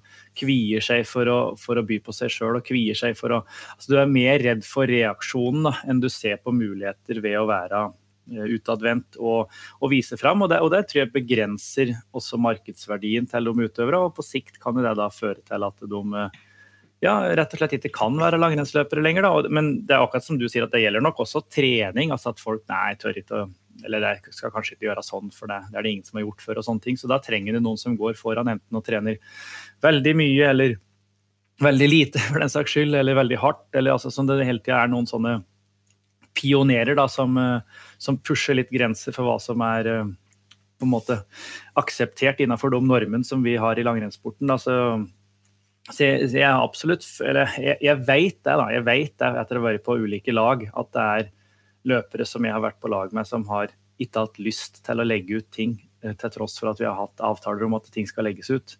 Mm. Uh, fordi de kvier seg for det. De er redd for reaksjoner. At det er som syns de er litt teite. Da, og at det er litt teit å holde på sånn. Sier jo da i praksis at jeg er litt teit, da. Men, men, men, men, men det, er, er nå så. Jeg lærer veldig godt med dette her. og har men, det er litt sånn synd da, at at vi på en måte skal begrenses av noe sånt. Jo, men uh, dette her du snakker om her, Petter, dette er jo dette, ikke, dette gjelder ikke langrenn. Dette gjelder i alle, alle samfunnslag i, i, i, Norge generelt. Den derre forfengeligheten sant, som står i veien for oss å tørre å prøve, virkelig. Det å tørre å ta det skrittet ut, i, vel vitende om at folk kommer til å følge med. Den, det, den, tror jeg folk kjenner på daglig. Eh, og janteloven, som du sier, den, den er noe som ingen egentlig liker, men som alle på et eller annet vis holder i live. Gjennom å ikke tørre å prøve, gjennom å, å se på de tingene som tør å prøve, eller de folka som tør å prøve, og så prate litt om det. Og dette her er jo eh, jeg syns det her er kjempespennende, eh, de tingene jeg jobber med daglig når jeg jobber med, med den andre jobben jeg har. Eh, og um, det du sier òg med at vi, vi, på en måte går opp de der vanlige løypene, det er jo fordi at vi ser på verden, og så se, prøver vi å se den fra samme tue alle sammen. Istedenfor å anerkjenne at vi ser jo på verden ulikt. Og at man tør å ta tak i de tingene som man ser selv. Da. Ikke det som alle andre gjør, men det som er best for en selv. Eh, men det krever jo det du har i massevis, og det er mot. Mot til å gi eh, den berømte fingeren til janteloven. Mot til å stikke deg ut, og mot til å skape verdi. For det er det som er crux her. Det handler jo ikke om å gjøre det som blir forventa av deg. Det handler om å gjøre det som er best for deg. Og det som er best for deg, det vet jo bare du. Og så vil, uansett hva du velger, så vil noen ha mening om det. Men Det viktigste er hva du mener sjæl. Burde egentlig bare runde av der, da. ja, dette var jo Nei, dette er veldig bra. Men, men jeg har også spørsmål til det, det vi egentlig vi skal snakke om, er å oppsummere sesongen og, og, ta ut landslaget. Men vi kommer dit. vi kommer dit. Men, men, det var det med trening. For det er et, et spørsmål som mange har stilt oss, uh, og det er hva skiller en utøver som trener 1000 timer i året, som vinner OL-gull, fra en utøver som trener 1000 timer i året, men som blir uh, topp 60 på Beitostølen? Uh, og, og, og, Dette er ikke for å være stygg med deg, det håper jeg du skjønner. og at det er helt tydelig, Men, men du trener jo utrolig mye. Vet, mitt inntrykk er at du trener like mye, og, jeg har ingen grunn til å tro at du ikke trener like bra som de som er på landslaget. Men du uh, oppnår ikke de samme resultatene. Uh, hva skyldes det, tror du? Ja, altså, nå kan jo på en måte Det blir jo litt Jeg kan jo bare prate for meg sjøl, da. Eh, så, så altså, hva som på en måte har begrensa meg sjøl opp igjennom, er jo rimelig uh, klar over. Det er jo bare å gå inn på Helse-Norge og sjekke blodprøver. Men, uh, men hvis en tenker sånn generelt, for akkurat dette har jeg gjort meg noen tanker om, da, for jeg har vært heldig og trent med massevis av gode utøvere. Stort sett alle de jeg har hatt som gjest i podkasten her i det siste, blant annet, har jeg trent ganske mye med. og og, og, diskutert trening med. Og så har jeg også vært mye på samling med Peter Northug bl.a. Og vært på juniorlandslaget med halve landslaget nå. Uh, og jeg har tenkt på sånn yes, hva er det egentlig uh, som skiller uh, på en måte de, aller, aller beste fra de nest beste? Og jeg har konkludert med at det handler litt om trening. Altså, det handler litt om trening, altså for, for, det er et kryr av idrettsutøvere, og langrennsløpere spesielt, da, men idrettsutøvere generelt i Norge som trener bra. Det kryr av dem uh, som gjør jobben. Uh, legger ned en plan, gjennomfører den uh, så godt de kan. Og den jobben står ikke noe tilbake for. Kanskje er den faktisk i mange tilfeller bedre enn den jobben som folk som presterer enda bedre, gjør. Og det er litt sånn irriterende nesten, da, kan være, at du, du ser at han eller hun egentlig er litt useriøse, i dine øyne. da Eh, men så lykkes de på tross av, og ikke på grunn av det. Så jeg vil si at det, det er nesten på landslagsnivå og sånne ting, det er, nesten like mange på tross av-er som det er på grunn av-er. Eh, men når det er sagt, så jobber alle som er på landslag knallhardt og gjør en god jobb. Men det er, det er mange utøvere du ser at her kunne de gjort ting litt bedre der, litt bedre der, litt bedre der. Eh, men så tror jeg kanskje at det er akkurat dette der da, som gjør dem best. Mm. For jeg har et inntrykk av at de som lykkes, de har en sånn vet, Litt sånn ubeskrivelig, da, men en form for følelse. Jeg tror det handler om en følelse. En følelse av når det er riktig å presse hardt på trening. En mm. følelse av når det er riktig å hvile. En følelse mot underlaget når du går på ski. En følelse av eh, på en måte hvor vondt det skal være eh, å gå på ski. Eh, det er litt sånn ubeskrivelig greie, da, men den følelsen der eh, føler jeg skiller de beste fra de nest beste. For der, viljen er kanskje vel så stor hos de nest beste, men, men akkurat den følelsen der, at liksom treffe akkurat der. Og så må en si, du må huske på det, det er en veldig god porsjon flaks. Du kommer mm. ikke unna det faktum at du må ha flaks. Tenk f.eks. hvis du tar fem utøvere som er akkurat like godt trent, som skal prestere i ett skirenn.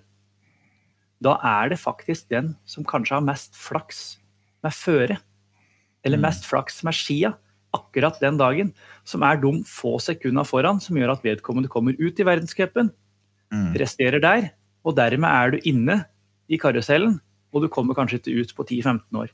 Mens det var utøvere som var akkurat like godt forberedt, som kanskje smørte seg bort, kanskje tryna i første svingen, knakk staven, eller kanskje ble sjuk. Ikke minst når det gjelder sykdom. altså Langrennsløpere er nøye når det gjelder å unngå sykdom. Allikevel blir noen syke. Også flaks uflaks. Så det er, det, er, det er, noe sånn ukontrollerbart over dette her. Så er det masse kontrollerbart, og så er det et sånn aspekt av en sånn slags følelse eller noe som du som er helt umulig å sette fingeren på, da, men som allikevel er så sjukt viktig for å få ut det aller, aller siste. Jeg, jeg liker jo også å skille mellom to ting. Jeg, da. Det ene er jo det veldig mange idrettsutøvere har, og det andre er det veldig få idrettsutøvere har. Det ene er vinnervilje. Det andre er vinnerevne. Og det er to helt forskjellige ting. Jeg tror jeg har en god porsjon vinnervilje, ikke alltid hatt så god vinnerevne. Og de aller beste, den der følelsen du snakker om, Petter, det er vinnerevne. Og den, det er en egenskap du lærer deg gjennom å spille deg selv god, gjennom å velge riktig i den der løypa som du beskriver. da. Vinnerevne. Ah, elsker det.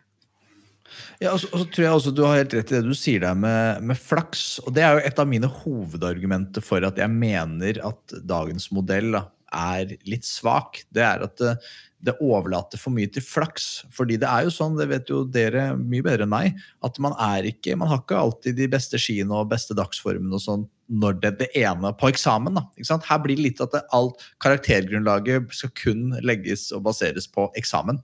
Eh, Og jeg tenker at Vi må jo prøve å tilpasse Akkurat som det norske skolesystemet, så prøver man i den grad det er mulig å tilpasse, seg, eh, tilpasse et system som gjør at man kan bedømme studenten ut ifra hvilket nivå den faktisk har inne, ikke hva den presterer på én dag. Det er da du får angst og mentale problemer og så videre. Og, så videre. og det mener jeg man bør tilstrebe også i idretten. Ja. Ja. men samtidig så er det jo på en måte Jeg er jo enig i at det er jo noen tilfeldigheter akkurat på race day. Men det er ikke sånn at alle som ikke lykkes, har uflaks. De som lykkes, de har tilfeldighetene på sin side, men jo bedre forberedt du er, desto mindre du overlater til tilfeldighetene. Om det er ski, om det er staver, om det er løypebesiktelse, om det er det ene eller det andre. Det er ikke tilfeldigheter, det er jo direkte konsekvens av de forberedelser man har gjort. Så selvfølgelig er det et element av tilfeldigheter, men de aller beste har minst overlatt til tilfeldighetene og mest overlatt til de tingene som Petter snakker om som man kan kontrollere. Og det er jo egne prestasjoner samt egne forberedelser til å prestere på den gitte dagen.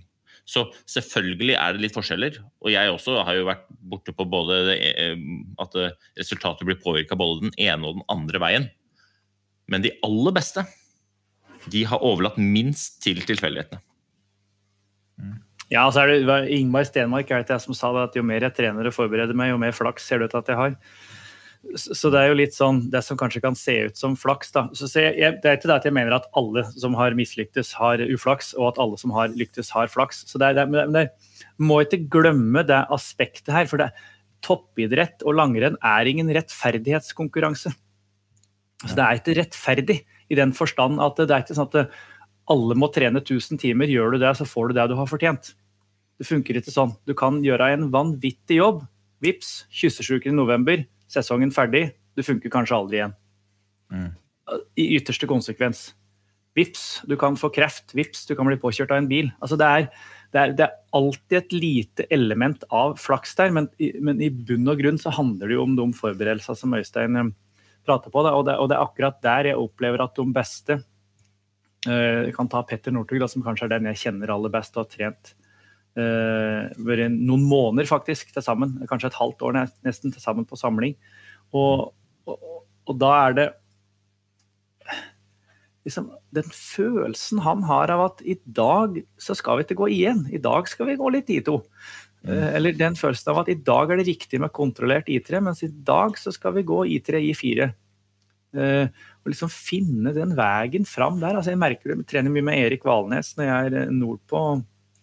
Han er ganske lik Petter Northug på mange måter. og eh, den følelsen der. Og så trener jeg også mye med Hans Christer Holund, som jo ikke akkurat ligner på verken Petter Northug eller Erik Valnes hva, hva egenskaper som skiløper angår. og Der trenes det jo på en helt annen måte, men han har samtidig denne følelsen. Han har en sånn slags litt sånn der ubeskrivelig greie at uh, dette her, her er riktig for meg. Og når jeg går skirenn, så skal det kjennes sånn ut. eh, og jeg jobber på sånn, og så blir resultatet veldig bra. Så det er fascinerende greie. Altså det, og dette er en sånn slags eh, X-faktor som du ikke får uh, verken trent på eller eh, har noe svar på. da. Ja. Nei, men Det her passer jo fint å gå inn i en slags uh, smooth overgang til å oppsummere sesongen litt. For er det en fyr som jeg vil si uh, har hatt litt uflaks den sesongen her, så er det han som starta med aller best av alle, uh, Mikael Gunnulfsen. Han eh, banker opp eh, og kunne jo Jeg tenkte jo nå, her har vi en ny superstjerne. Nå åpner døren seg. Han hadde han presterte på race day. eh, inn, rett i rukka. Der skal han levere varene der òg. I hvert fall gå godt nok. Og så er han brått inne på landslaget og i VM og alt som skal komme. Og sånn ville det seg ikke for Michael Gunnulfsen. Og, og tror dere at vi får se Mikael Gunnulfsen i, i toppslag igjen? Altså, var dette sjansen han på en måte missa? Ref diskusjonen vi nettopp hadde. Altså, jeg tror jo absolutt vi får se Mikael på toppnivå igjen, men det kan godt hende toget har gått hva uh, muligheter angår. Altså for at han, han krasjer jo da uh, med en uh, løper i løypa på Lillehammer. Eh, knakk da beinet og ødela det som så ut til å kunne bli hans livssesong.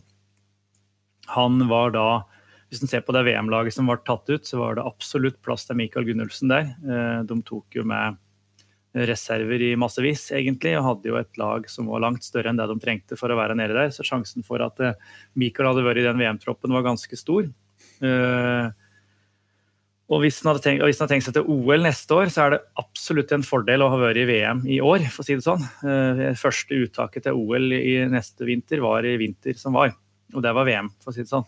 Eh, og han var ikke med der. Eh, og kanskje får han aldri den dagen med dum skia og den følelsen igjen. Og da blir han kanskje nummer fem da, på Beito neste år. Det er ikke godt nok til å bli med til Roka. Og da står du igjen da, på den berømte perrongen når toget går. Så det er, eh, det er, det er, det er så brutalt, vet du. Men det er, eh, det er nå en gang sånn det er, da. Eh, og det er plusser og minuser med, med den modellen. Men eh, jeg tror absolutt vi får se Mikael Gunnulfsen på et eh, veldig veldig høyt nivå. At jeg tror på en måte at, altså, Ja, han hadde den uflaksen, men han fant nok også den følelsen. Du er, ikke, du er ikke fremmed for å dele et eh, glass O'boy med de som står igjen på perrongen, du da, Petter? Nei, nei, jeg har kjøpt dispenser, jeg, sånn at vi skal være sikre på at vi har.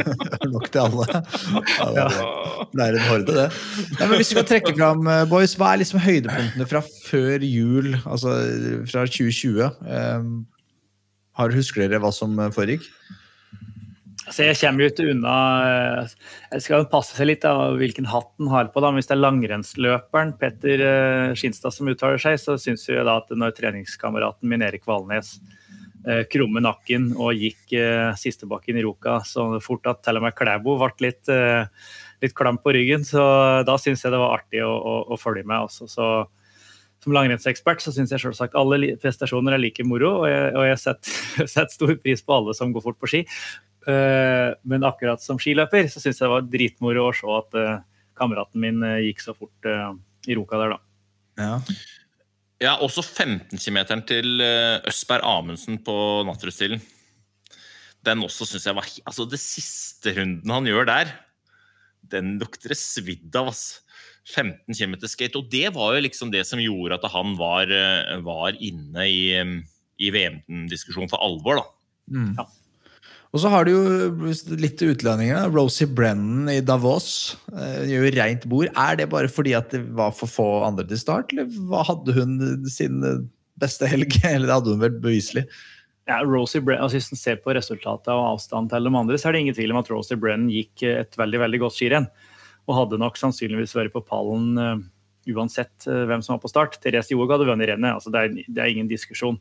Therese Johaug, Hvis Therese Johaug har ålreite ski og ikke har uhell underveis, så vinner Therese Johaug distanserenn over 10 km. sånn er det bare.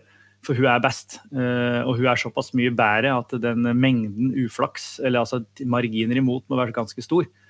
Eh, for hun har så mye å spille på.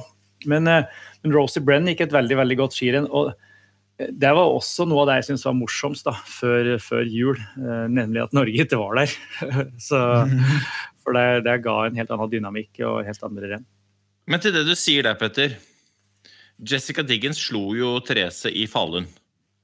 Mener du da at Therese hadde for dårlig ski? At det var det som var årsaken? Eller tror du at det føre eh, var sånn at eh, Therese ikke klarte å stå godt i svingene, og at Jessie, som etter sigende fra uh, Torgeir Bjørnshold er verdens beste utfor, Uh, at det på en måte det var det som avgjorde? Ja, altså, Therese trente vel ca. 100 timer da, eh, den måneden der i oppkjøringa til VM i Oberstdorf. Var nedsylta av trening. hadde nok i beste fall OK ski, og da et føre som ikke passer hun. Og Therese blir jo litt sånn halvstressa hvis sekunderingen ikke går hennes vei. Så det var, var flere ting. Men da, men da det blir mange nok marginer altså, som går imot henne, så blir hun da knapt slått. Eh, og så ser vi da at når vi kommer til VM, så er Jesse milevis unna det nivået. Og Therese har hevet det enda et hakk. Så, så, det, så det, det, går absolutt an å slå Therese, men da må Therese gå dårlig. Og det var det Therese gjorde. det. Hun gikk et helt middels skirenn. Altså, Tour de Ski, Jessica Diggins, som vi snakker om, gjør det jo dritbra. Vinner i fravær av alle nordmenn, da, og gjør det bra i Falun. Hvorfor tror du, er, det, er det at hun la opp sesongen sin dårlig? Hadde hun Tour de Ski som et større mål enn VM, eller er det Hvorfor? For det er jo helt, helt rett, hun var jo helt borte vekk under VM. Ja, altså, Noe av grunnen til at de var borte vekk i VM, er jo at amerikanere kan ut og smøre ski. Altså, de, ja. har jo et, eh, de har jo et eh, ganske dårlig smøreteam rett og slett, hva resultater angår. De er gode på kunstsnø, uh, som det gjerne er rundt Tour de Ski.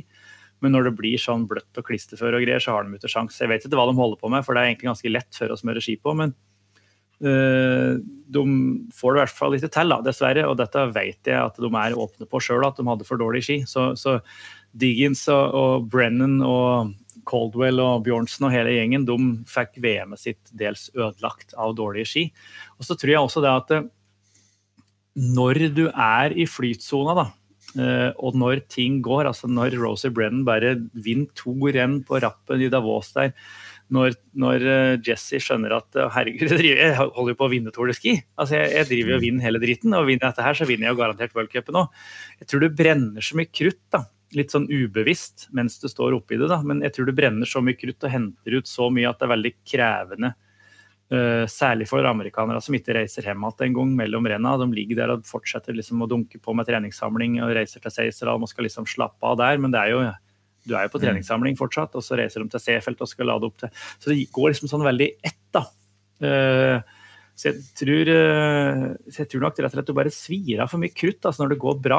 Så du, du klarer på en måte gamle karer som var skiløpere på 50- og 60-tallet, de sa det at de, du har bare et par du har bare noen dager i året der du klarer å presse det helt i kjelleren, så du får passe på å bruke dem når du teller. Mm. Uh, der, da refererte de til at du skulle holde igjen litt på trening hele sommeren og høsten. Uh, og det er vel kanskje, kanskje akkurat der Diggins og co. var litt uh, hete på grøten da i desember og begynnelsen av januar, der, med tanke på å prestere i VM. Men hvis vi holder oss på kvinnene, hvem er sesongens store taper?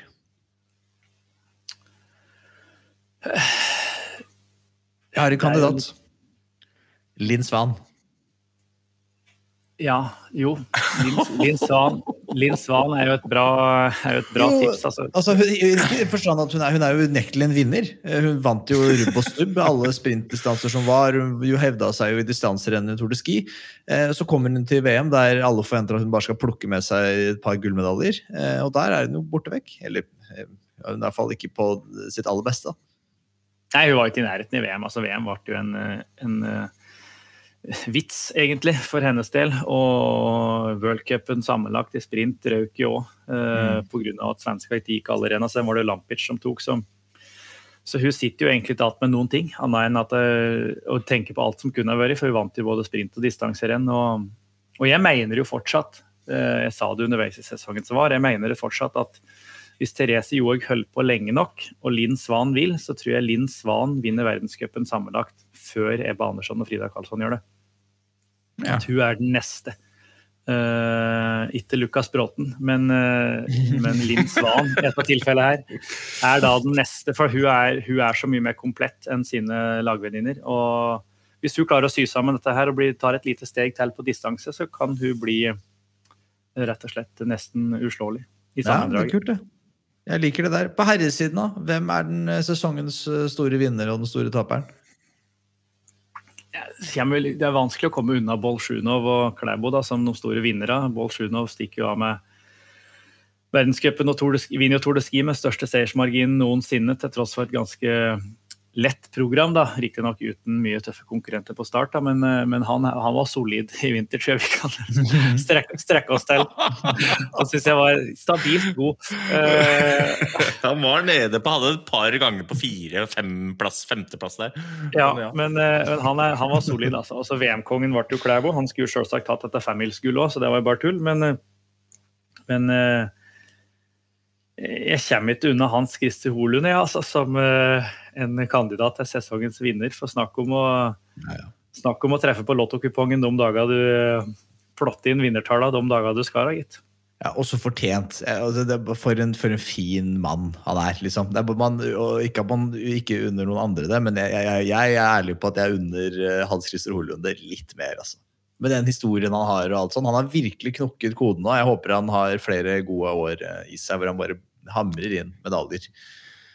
Eh, taperne på herresiden? Altså, de hadde jo en svensk gjest her i podkasten for ikke så veldig lenge siden som nok føler seg ganske sånn eh, Kanskje som sesongens store taper. da, altså mm. Kalle Halvarsson eh, igjen kjempegode rapporter gjennom sommeren og høsten. Eh, leker jo med Burman og Poroma, gutta når han er i form. Er jo fortsatt den svensken med det soleklart høyeste makspotensialet når ting eh, virkelig stemmer i både sprint og distanse. Så, så Kalle, dessverre, vi er jo like gamle og har jo gått uh, juniorrenn mot hverandre og seniorrenn i massevis, og han får det dessverre ikke helt til. Og sliter nok med å finne litt den da berømte følelsen da, som vi har prata litt på tidligere her i dag, og, og litt sin lille porsjon med uflaks og med sykdom og sånne ting. Så men uh, det er jo Jeg tror vel ikke Didrik Tønseth uh, syns han har hatt en sånn supersesong heller, da. Så det, det, vi skal jo klare å finne andre som har hatt uh, stang ut. Ja, ja, for det der er, altså Jeg gleder meg sånn til vi skal ta ut laget nå. For det er altså så mange norske herrer som presterer godt.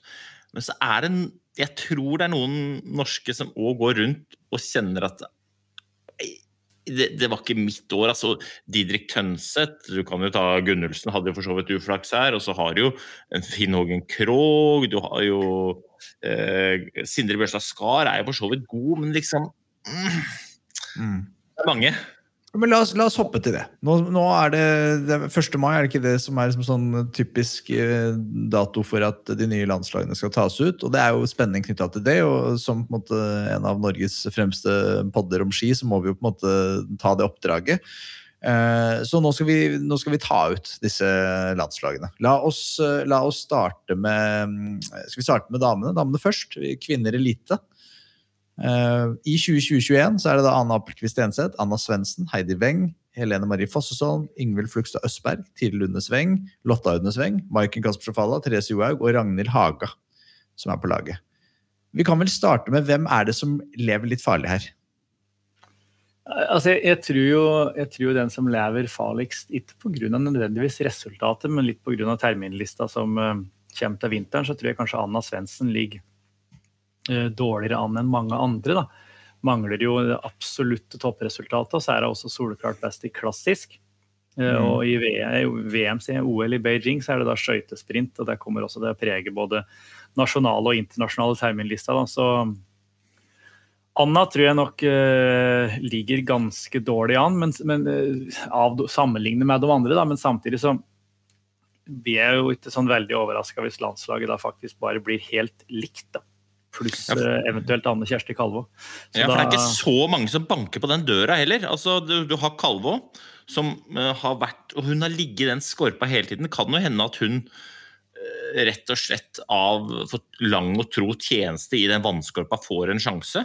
Men, men, det er liksom ikke så mange andre. Altså, de, de jentene på rekruttlaget har jo prestert bra, men mangler liksom det, det siste lille til å hvert fall kunne forsvare og vippe ut noen av de andre der.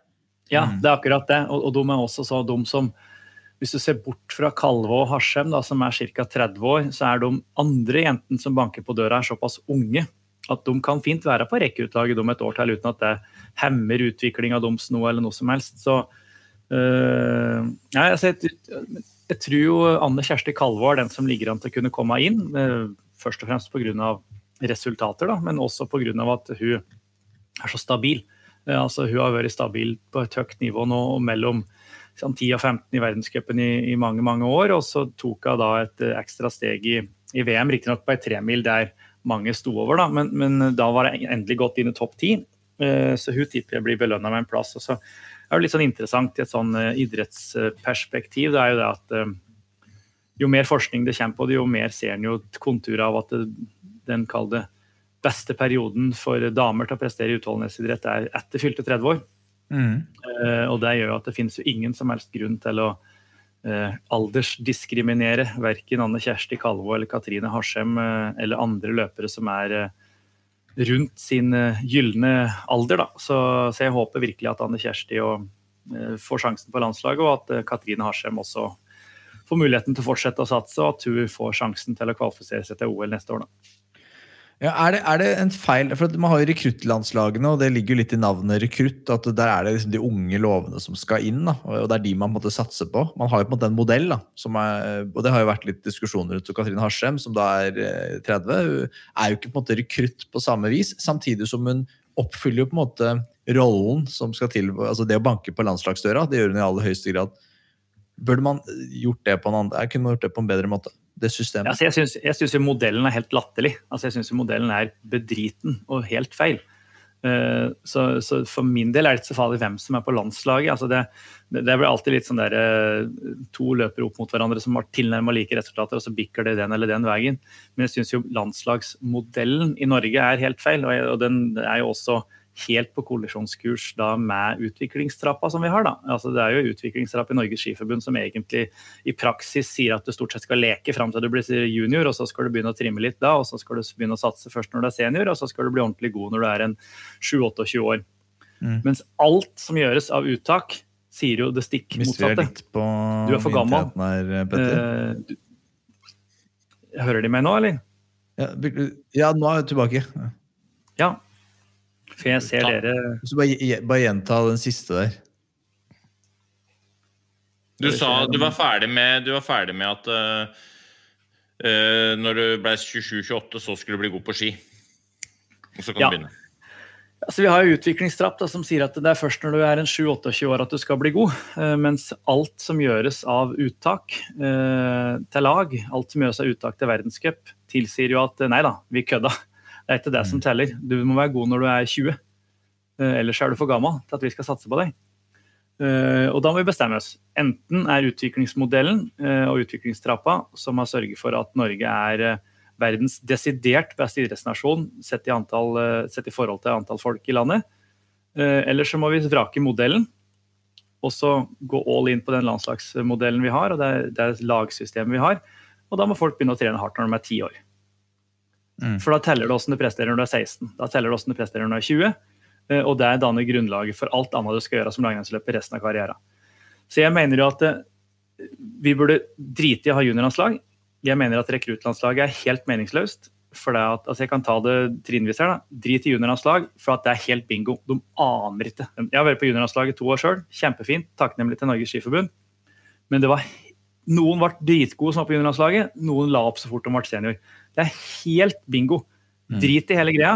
Sørg for at skigymnaset er fireårig. Sørg for at kretsa og klubba følger opp juniora, og la dem hospitere på regionlaga, de beste juniora, og få matching der. Det er mer enn bra nok. Det er mer enn bra nok, og helt meningsløst at en skal satse på fem-seks vilkårlig utvalgte gutter og jenter. Noen, er, noen har uh, uh, hår på kassa, og altså Øystein han så jo eldre ut da han var 19 enn han gjør nå.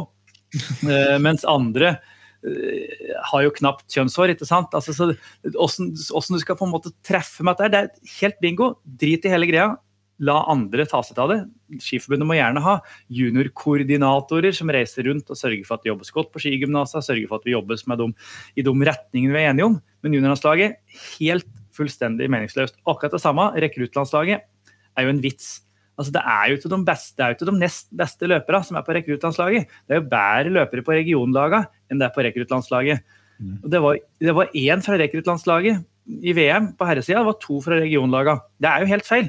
De, altså, hvis du skal ha et rekrutteringslandslag, et B-landslag, så må det jo de nest beste være der. Så jeg mener at vi trenger egentlig bare to ting. Vi trenger én elitelag på toppen, og vi trenger to regionlag under der som da eliteutøvere hører til når de trener på hjemmebane. Og akkurat den modellen er jo det vi har i praksis har hatt i vinter. Nei, i, sommer og høst og i vinter, når de ikke har hatt mulighet til å reise rundt på samlinger og sånne ting, så har jo da de nordnorske skiløpere trent i Tromsø. De eh, trøndere trent i Trøndelag. Oslo-gjengen trent i Oslo. Lillehammer-gjengen trent på Lillehammer. Og det har fungert helt utmerket. Masse fellestreninger, masse god utvikling på tvers av lag. Og, og der syns jeg viser at den modellen som vi har i dag, er unødvendig. Den er unødvendig dyr. Det er altfor mange løpere som, eh, som, har eh, en lagtilhørighet, sammenlignet med hvor mange plasser vi har til både junior-VM, U23-VM og ikke minst verdenscup og mesterskap på seniornivå. Så, så, at de tviholder på den løsningen, det er for at folk trenere som er der, fortsatt skal ha jobb, eller hva som er poenget. Jeg skjønner ikke. Jeg forstår ikke bakgrunnen for å ha den modellen som vi har nå, der du har en 60-70 løpere som har Norge på ryggen, og så er det åtte som skal gå OL til vinteren. Så Jeg forstår det ikke. Så, så, ta det ned på et bærekraftig nivå. Ha et elitelag på toppen. De skal først og fremst reise ut hvis de skal på snø eller på høyde. Resten av treninga kan gjøres med utgangspunkt i der du bor. Det er for faen derfor du har bosatt deg der. Hvis det hadde vært ræva å trene på Lillehammer, så er det ingen som hadde bodd der. Da hadde du bodd en annen plass. Da kan, da kan trene på Lillehammer sammen med de nest beste, for da kan de nest beste utfordre de beste. Da blir de beste litt bedre, og de nest beste blir enda bedre. Så kan juniora komme under deg. Jeg skjønner ikke hvorfor dette skal være så vanskelig. Vi elsker deg, Petter Skidstad. Du gjør langrennssporten rikere. Det her, eh, vi, jeg, kunne diskutert så mye mer. Jeg, jeg, er helt enig med alt du, du sier. Du, så vi, jeg håper du ikke bare sitter på utsiden og mener inn. Jeg håper at langrennssporten får sjansen til å ha Petter Skinstad tett, tett, tett på innsiden. Eh, jeg tenker at du burde, du burde jo jobbet i FIS. Um Petter. Jeg tenker jo det at eh, Er det noe FIS ikke mangler, så er det jo runde kanter og sånn, men er det noe de mangler, så er det litt sånn besluttsomhet som du viser her nå. Stå for litt meninger og gå litt vei, vise vei i vellinga. Du får le legge disse tankene her ut på appen, tenker jeg. Ja, for, for jeg, har, jeg har innlogging mener du, på FIS-appen. Sånn egen Nei, sånn pet, innlogging. Ja. Vi må gå videre, folkens. Eh, vi må ta ut med en elitesprint. sprint. la oss starte med hvem som skal ut. Jeg kan jo ta laget fort. Erik Valnes, Finn Hågen Krogh, Håvard Solås Taugbøl, eh, Klæbo, Golberg, Sindre Bjørnstad Skar. Hvem er det som Det er vel noen her som lever litt farlig? Ja, og litt av bakgrunnen for at folk bør leve litt farlig her, er jo da at det er jo da meg bekjent tolv herreløpere på landslag. I verdenscupen så er det maks seks som får lov til å gå, pluss eventuell verdenscupleder. I torer så er det maks ti. Verdenscup i Norge så er det maks ti pluss to i U23. Og i OL så er det maks åtte. Så jeg vil si at det vil ikke være ett eneste skirenn til vinteren der alle tolv får lov til å gå samtidig. Uh, og da har du i mine øyne for mange på landslag. Mm. Uh, og særlig da når det er noen på landslaget som presterer så betydelig dårligere enn resten. da. Uh, og jeg tror jo på sprintlaget så tror jeg jo ja, Og det er ingenting med altså jeg, Finn Hågen Krogh, jeg liker han veldig godt. Vi har vært på juniorlandslaget sammen og delte rom sammen på første samlinga. Og han, uh, han fullroste meg med allerede på første samlinga og sier 'Dæven, Petter, du er god til å finne fram'. For, da, for, vi måtte slippe litt på en langtur i Oslomarka, og så sa Finn det at ja, hvordan skal vi komme oss inn, jeg er ikke kjent her. Jeg sa at jeg er ikke kjent her, men hvis du ser der, så er det, er noen strømledninger som går den veien, og de tipper jeg går inn mot byen. og Så ser du den, der denne bekken der renner ned der, den renner sikkert ned mot Sognsvann. eller noe. Så hvis vi bare følger denne linja her, så er jeg helt sikker på at vi, at vi finner veien hjem. Altså. Der, Petter, du er sånn MacGyver! Altså, så, så fin han kommer alltid til å ha litt sånn der uh, Alltid stjerne i margen fra min side. Altså, men, men, Finn Hågen Krogh han var en av verdens beste skiløpere til og med 17-sesongen, og etter der så har det butta litt. Uh, jeg tror at hvis eh, Finn skal bli skikkelig god igjen, så tror jeg han trenger et ordentlig spark i baken, og da tror jeg kanskje det å bli vraka fra landslaget og finne ut om han virkelig vil dette her mer, er kanskje løsningen for for hans del. Utfordringa med Finn da, er jo det at han er jo så vanvittig god når det stemmer. Mm. Uh, og til et OL neste år så må du jo da kunne ta ut noen som er gode på mer enn én ting. Uh, for der er det så få plasser at uh, vi nesten må bruke Holund på sprinten. og da er Finn Hågen Krogh, som da har verdenscupseiere i klassiske skøytesprint, verdenscupseier på 15 km, VM-medalje på 3 mil, VM-gull på teamsprint. altså Han er veldig anvendelig, da. Men han er jo uten tvil den løperen som har prestert dårligst. Og da ligger du jo dårlig an da, på, et, eh, på et norsk landslag. Ja, Hvem er det som banker på? Nei, Det er det som er fint for Finn, og det er jo ingen som banker på. Altså Sivert Vik er kjempegod, men det er klassisk sprint han først og fremst er god i. Mm. Uh, og det er det ikke i OL neste år. Uh, og de andre som banker på, de banker ikke hardt nok. Men, men tro, jeg tror jo at laget blir sånn som det har vært, minus Finn, ja da. Fordi at Sindre er jo innmari god i skøyting. Uh, og fordi at, som du sier, han som banker mest på, han er både ung og best i klassisk. Og så vil det sannsynligvis, hvis Sivert eh, fortsetter utviklinga, så vil han ha stor mulighet for å komme inn neste år. Ja, Absolutt. Men, men det er jo litt sånn som du sier også, at de inn mot en OL-sesong så går de for de sikre kortene. eh, Og det, det legges opp et løp eh, som handler om å ha kontroll på hva utøverne gjør, og sånn at det er minst mulig av de tilfeldighetene vi prata om da, som eh, i, i tidligere. Når OL kommer, så vil forbundet ha best kontroll på de løperne som skal sørge for at Norge skinner i OL. Og det gjøres gjennom å ta ut de løperne som de har hatt i stallen en stund, og som de har trua på kommer til å prestere.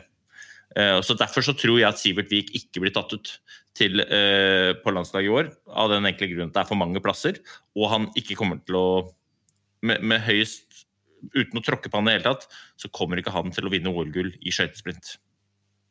Jeg, jeg ville beholdt Finn Hågenkrog, jeg.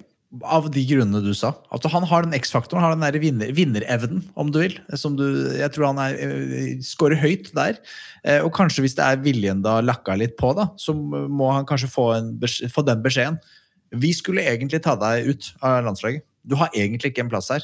Men fordi vi, har, liksom- vi gir deg siste sjanse, da. Det er OL. Vi har troa på deg. Du kan vinne i flere distanser.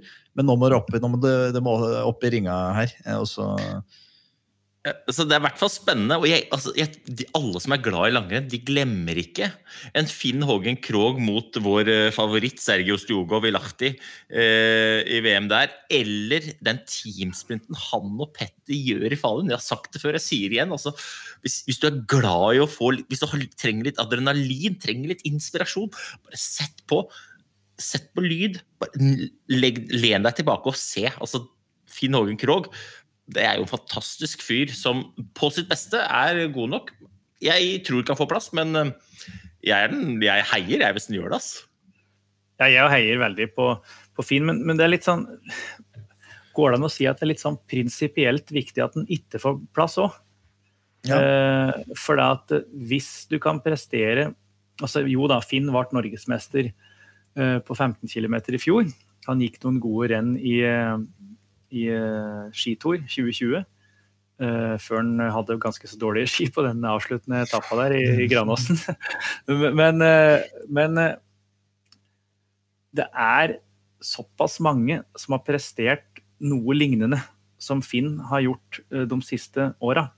Eh, og det altså Jo da, han har disse toppa sine, men jeg, jeg tror at eh, for norsk langrenn og for de andre som satser, så tror jeg faktisk det er litt viktig. For det er som Øystein sier, da.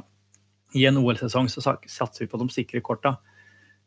Drar du det argumentet, og, det, det ikke, og Øystein har helt rett i det, hvis Skiforbundet drar den argumentasjonen langt nok, så er det jo snart sånn at du må på en måte hente inn Ole Ellefsæter og andre storheter, for de har prestert før. Altså, drar du den der, altså, da vil du aldri skifte ut. da. Nei, Så da er det kun når folk legger opp at du får inn nye. Det er riktig. Eh, og, og, og det, er jo, det er jo sånn det praktiseres i dag. Altså, det, er, det er et sånn kjempeaspekt ved denne skjønnsbiten. Mm. Skjønnsmessig vurdering. Og det skjønnet det går jo alltid landslaget eh, sin vei. Og det blir litt altså det er Erik Myrnåsum, som er landslagets trener. Han skal jo da også ta ut hvem som skal representere. Det er jo en helt vanvittig altså Hvis en tar på en måte ett steg litt til sida her, da. Mm. Det er altså de samme folka som på en måte måles i altså vurderes altså Hvordan vurderes innsatsen til Erik Myhren Aasum? Jo, han vurderes av hvor fort landslaget går. Hva er da Erik Myhren Aasum tjent med? Jo, han er tjent med at landslagsløpere får flest mulig sjanser til å vise hva de kan. For da viser de hvor godt han har jobba, og hvor godt de har jobba. Det blir jo litt som at det er treneren til Rosenborg som skal ta ut landslaget. Mhm. Mm. Altså Hvis, hvis landslaget er Rosenborg, da, størst, eh, eller Molde eller Bodø-Glimt eller hva som helst, de er best, de har mest ressurser. Og så er det også samme treneren som skal ta ut landslaget til hvem som skal spille ved EM-kvalifisering eller VM-kvalifisering eller hva det måtte være. For det er litt sånn spes... Altså den derre uttaksgreia i Norge er ganske rar, altså. Eh, og, og, men det er litt sånn Hvis de tar ut det samme landslaget nå, da tror jeg vi vil få flere Fredrik Isæter og Magnus Stensåser og andre løpere som legger opp for at de ikke ser vitsen med å satse. Da. For de føler ikke at de kommer gjennom uansett. Mm. Nei, det gode, det er veldig, gode, veldig gode tanker og innspill. Eh, og Russland så har jo en litt annen modell, med flere ulike lag som er på samme nivå. Og så har du hun altvitende Kristine Koht-lookaliken Jelena Welbe, som eh, tar ut eh, laget, virker relativt diktatorisk på det. Kanskje det er en bedre modell? Jeg Ja, og, og, og, og Russland de skal jo begynne å samarbeide med uh, Italia nå. Frederico Pellegrino og De Fabiani skal jo begynne å trene sammen med Osti Osti og Kramer og co. Altså, hei! Pass, man skal passe seg for Storbritannia altså, på generelt grunnlag. Pass så innmari opp. Jeg tror ikke altså, Fabiani han ser så snill ut. Sak. Jeg tror ikke han veit hva han tenkte når han Fabiani ble putta på rom sammen med Ostiogov oppi, oppi eh, Val Råsegg i Engadin. Da, altså, da kommer det til å smelle. Det er ikke noe tvil om hvem som får den lille senga. Nei, Brut- Brut- Brutter'n har trent en del med Kramer-laget på Lillehammer. er Litt sånn kjent med han når de har vært på samling der. og, og Han har da gått hurtighet med Gleb Rettevik og, eh, og Sergej Ostiogov bak en varebil der det satt en fyr med en iPad og prøvde å filme. Som blant annet mistet iPaden uh, i fart i, i slak utforkjøring nedover uh, Gausdal der. så så det, Morten kunne da rapportere om at, uh, at da både Morten og Gleb slo Ostiogov på hurtighetsdrag, ble Gleb Rettevik så sint at den bare forsvant. Og da så de den ikke resten av dagen, før den plutselig var tilbake på hotellet. Så, så det laget der, der er det fyring, altså. Ja. Der er det jaggu fyring. Et annet lag vi håper det blir fyring i, det er jo da kanskje der det er, vi har mest å snakke om. Eh, det siste på eh, dagens eh, lange agenda. Menn elite allround. Der i 2020-2021 så har det vært Didrik Tønseth, Emil Iversen, Hans Christer Olund, Martin Løvstrøm Nyenge, Simen Ekstad Krüger og Sjur Røthe. Hvem er det som lever farlig her? Nei, altså Der ligger jo eh, Didrik Tønseth eh, utvilsomt ganske dårlig an. da, Det tror jeg han er klar over sjøl. Men tilbake til det vi har pratet om litt innledningsvis her med flaks. da. Hva hadde Harald Østberg Amundsen fått til i vinter dersom Didrik Tønseth hadde vært i toppform? Ja, det... Da hadde ikke Harald Østberg Amundsen gått VM. Nei? Han var den siste som kom med på det 50 km-laget. Og hvis Didrik Tønseth hadde gått som normalt eh, og prestert på et topp internasjonalt nivå med pallplasser i verdenscupen, så hadde han gått den 15 km i VM. Og da hadde ikke Harald Østberg Amundsen selvsagt da vært på landslaget som han skal være nå. Så, så, så der er vi tilbake til litt tilfeldigheter. igjen, Altså, for det er mange som har hatt sesonger i nærheten av det Harald Østberg Amundsen har hatt, uten å komme på verken VM-laget eller eh, landslaget. Så jeg tipper at eh, Didrik går ut, eh, og så tror jeg Harald Østberg Amundsen skal inn. Og da er jo spørsmålet er det da plass til en f.eks. Martin Løvstrøm Nyenge også på et sånt lag? Mm. eller blir det for stort? Ja, for, for det du det du tror, det har vel vært liksom litt eh, lesningen i media at de, de har eh, De sliter litt med noen sponsorer, så økonomien er litt svakere enn den har vært før. Eh, Og det er som du sier, at det er jo kanskje ti plasser som er De, de vil aldri kunne ha mer enn ti plasser i et verdenscuprenn.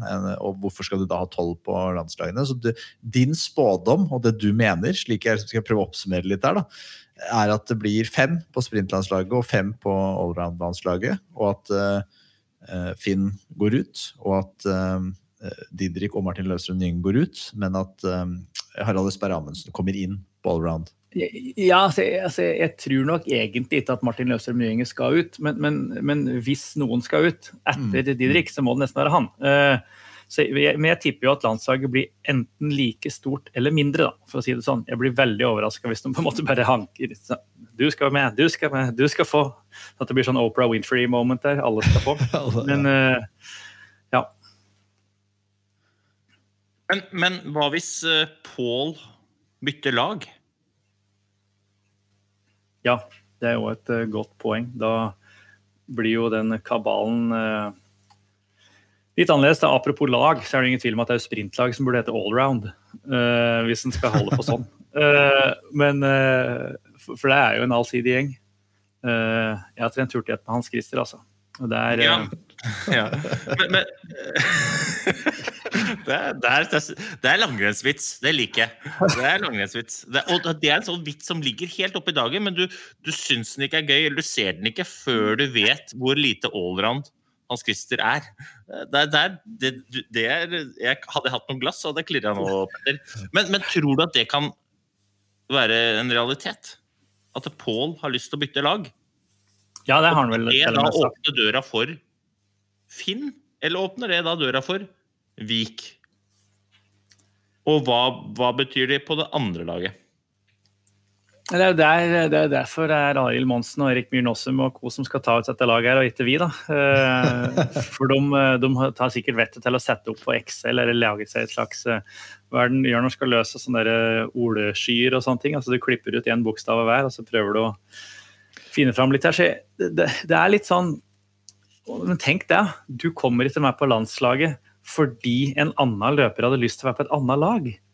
Så Enten så er du god nok, eller så er du ikke god nok. tenker jeg da. Så da får du heller være sju på det ene laget da, og fem på det andre, framfor å være seks-seks. Ja. Eh, så Jeg er enig ja, med det, deg. det, det, det, er, det er krevende, men, men det som er fordelen for alle som er på landslag, da, uh, og kanskje også litt utfordringa til norsk langrenn, det er jo at det er jo ikke sånn sjukt mange som banker på døra. På det absolutte toppnivå. Og det er jo ikke så rart, for det er jo ikke så veldig mange som får sjansen på det absolutte toppnivået, enn landslagsløpere. Så da Og han, som, og han som banker på døra, har vel per definisjon banka ned og inn og slått vekk døra. Og går bare rolig rett inn og setter seg ved smørøyet. Jeg har sett seg bare i lederstolen og venter på resten av landslaget, tenker jeg. Så, Ja, så, det, sånn som jeg Jeg kjenner ikke Østberg Amundsen godt, men jeg, han ikke på er han, den som, han er ikke den høvdingen som liksom har lyst til å ta mest plass. nei, han, er, han, er ikke, han slår meg ikke som noe særlig sånn cocky, for å si det sånn. Men han var, var ganske morsom der. Jeg satt med TV 2 og så på den 15 km som han tok medalje på i VM. da Søstera var jo gjest, da. Eh, og hun, hun Hedda hun var kan godt hende jeg på en måte måtte styre seg litt ettersom jeg var på TV, men hun var sånn, ganske sånn avslappa forhold til at broren da tok VM-bronse der. da, og Hun var litt kjedelig med dette fallet, men var mest bekymra. Er det brilla mine som lå igjen i snøen der? det var liksom det hun var mest bekymra for, at han hadde mista hennes solbriller. Det er en syndig gjeng. Ok, da, vi, vi, vi, vi må nesten bare gi oss vi, vi må jo åpenbart ha deg tilbake, Petter. Jeg håper at når vi kommer tilbake igjen, at du vil titte innom mye oftere enn du har gjort så langt. Eh, Vi avslutter som vi eh, liker å gjøre, vi. Vi har fått eh, vår gode venn Nordgarden til å skrive et eh, limerick dedikert, dedisert til deg. Er du klar for å høre? Ja, veldig. Vi setter på litt jubelbrus fra noe lange, noe lange løp eh, inn, inn i Norge som eh, ikke vises på TV, eh, og leser. Det er klart jeg bestemt lytter etter. Når jeg hører ekspertene letter, litt på sløret om hva som er mindre bra. En med skikkelig peiling er Petter. Folkens, Petter, tusen takk for at du kom. Vi ses plutselig. Ha det, ha det, ha det. Even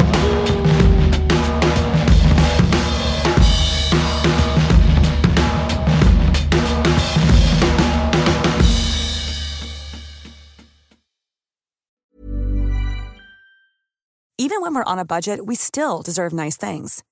Quince is a place to scoop up stunning high-end goods for 50 to 80% less than similar brands.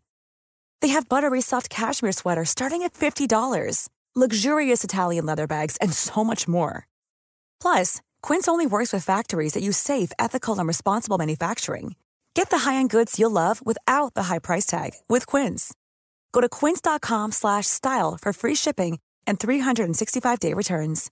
Imagine the softest sheets you've ever felt. Now imagine them getting even softer over time. That's what you'll feel with Bowl and Branch's organic cotton sheets. In a recent customer survey, 96% replied that Bowl and Branch sheets get softer with every wash. Start getting your best night's sleep in these sheets that get softer and softer for years to come. Try their sheets with a 30-night guarantee. Plus, get 15% off your first order at bowlandbranch.com. Code BUTTERY. Exclusions apply. See site for details.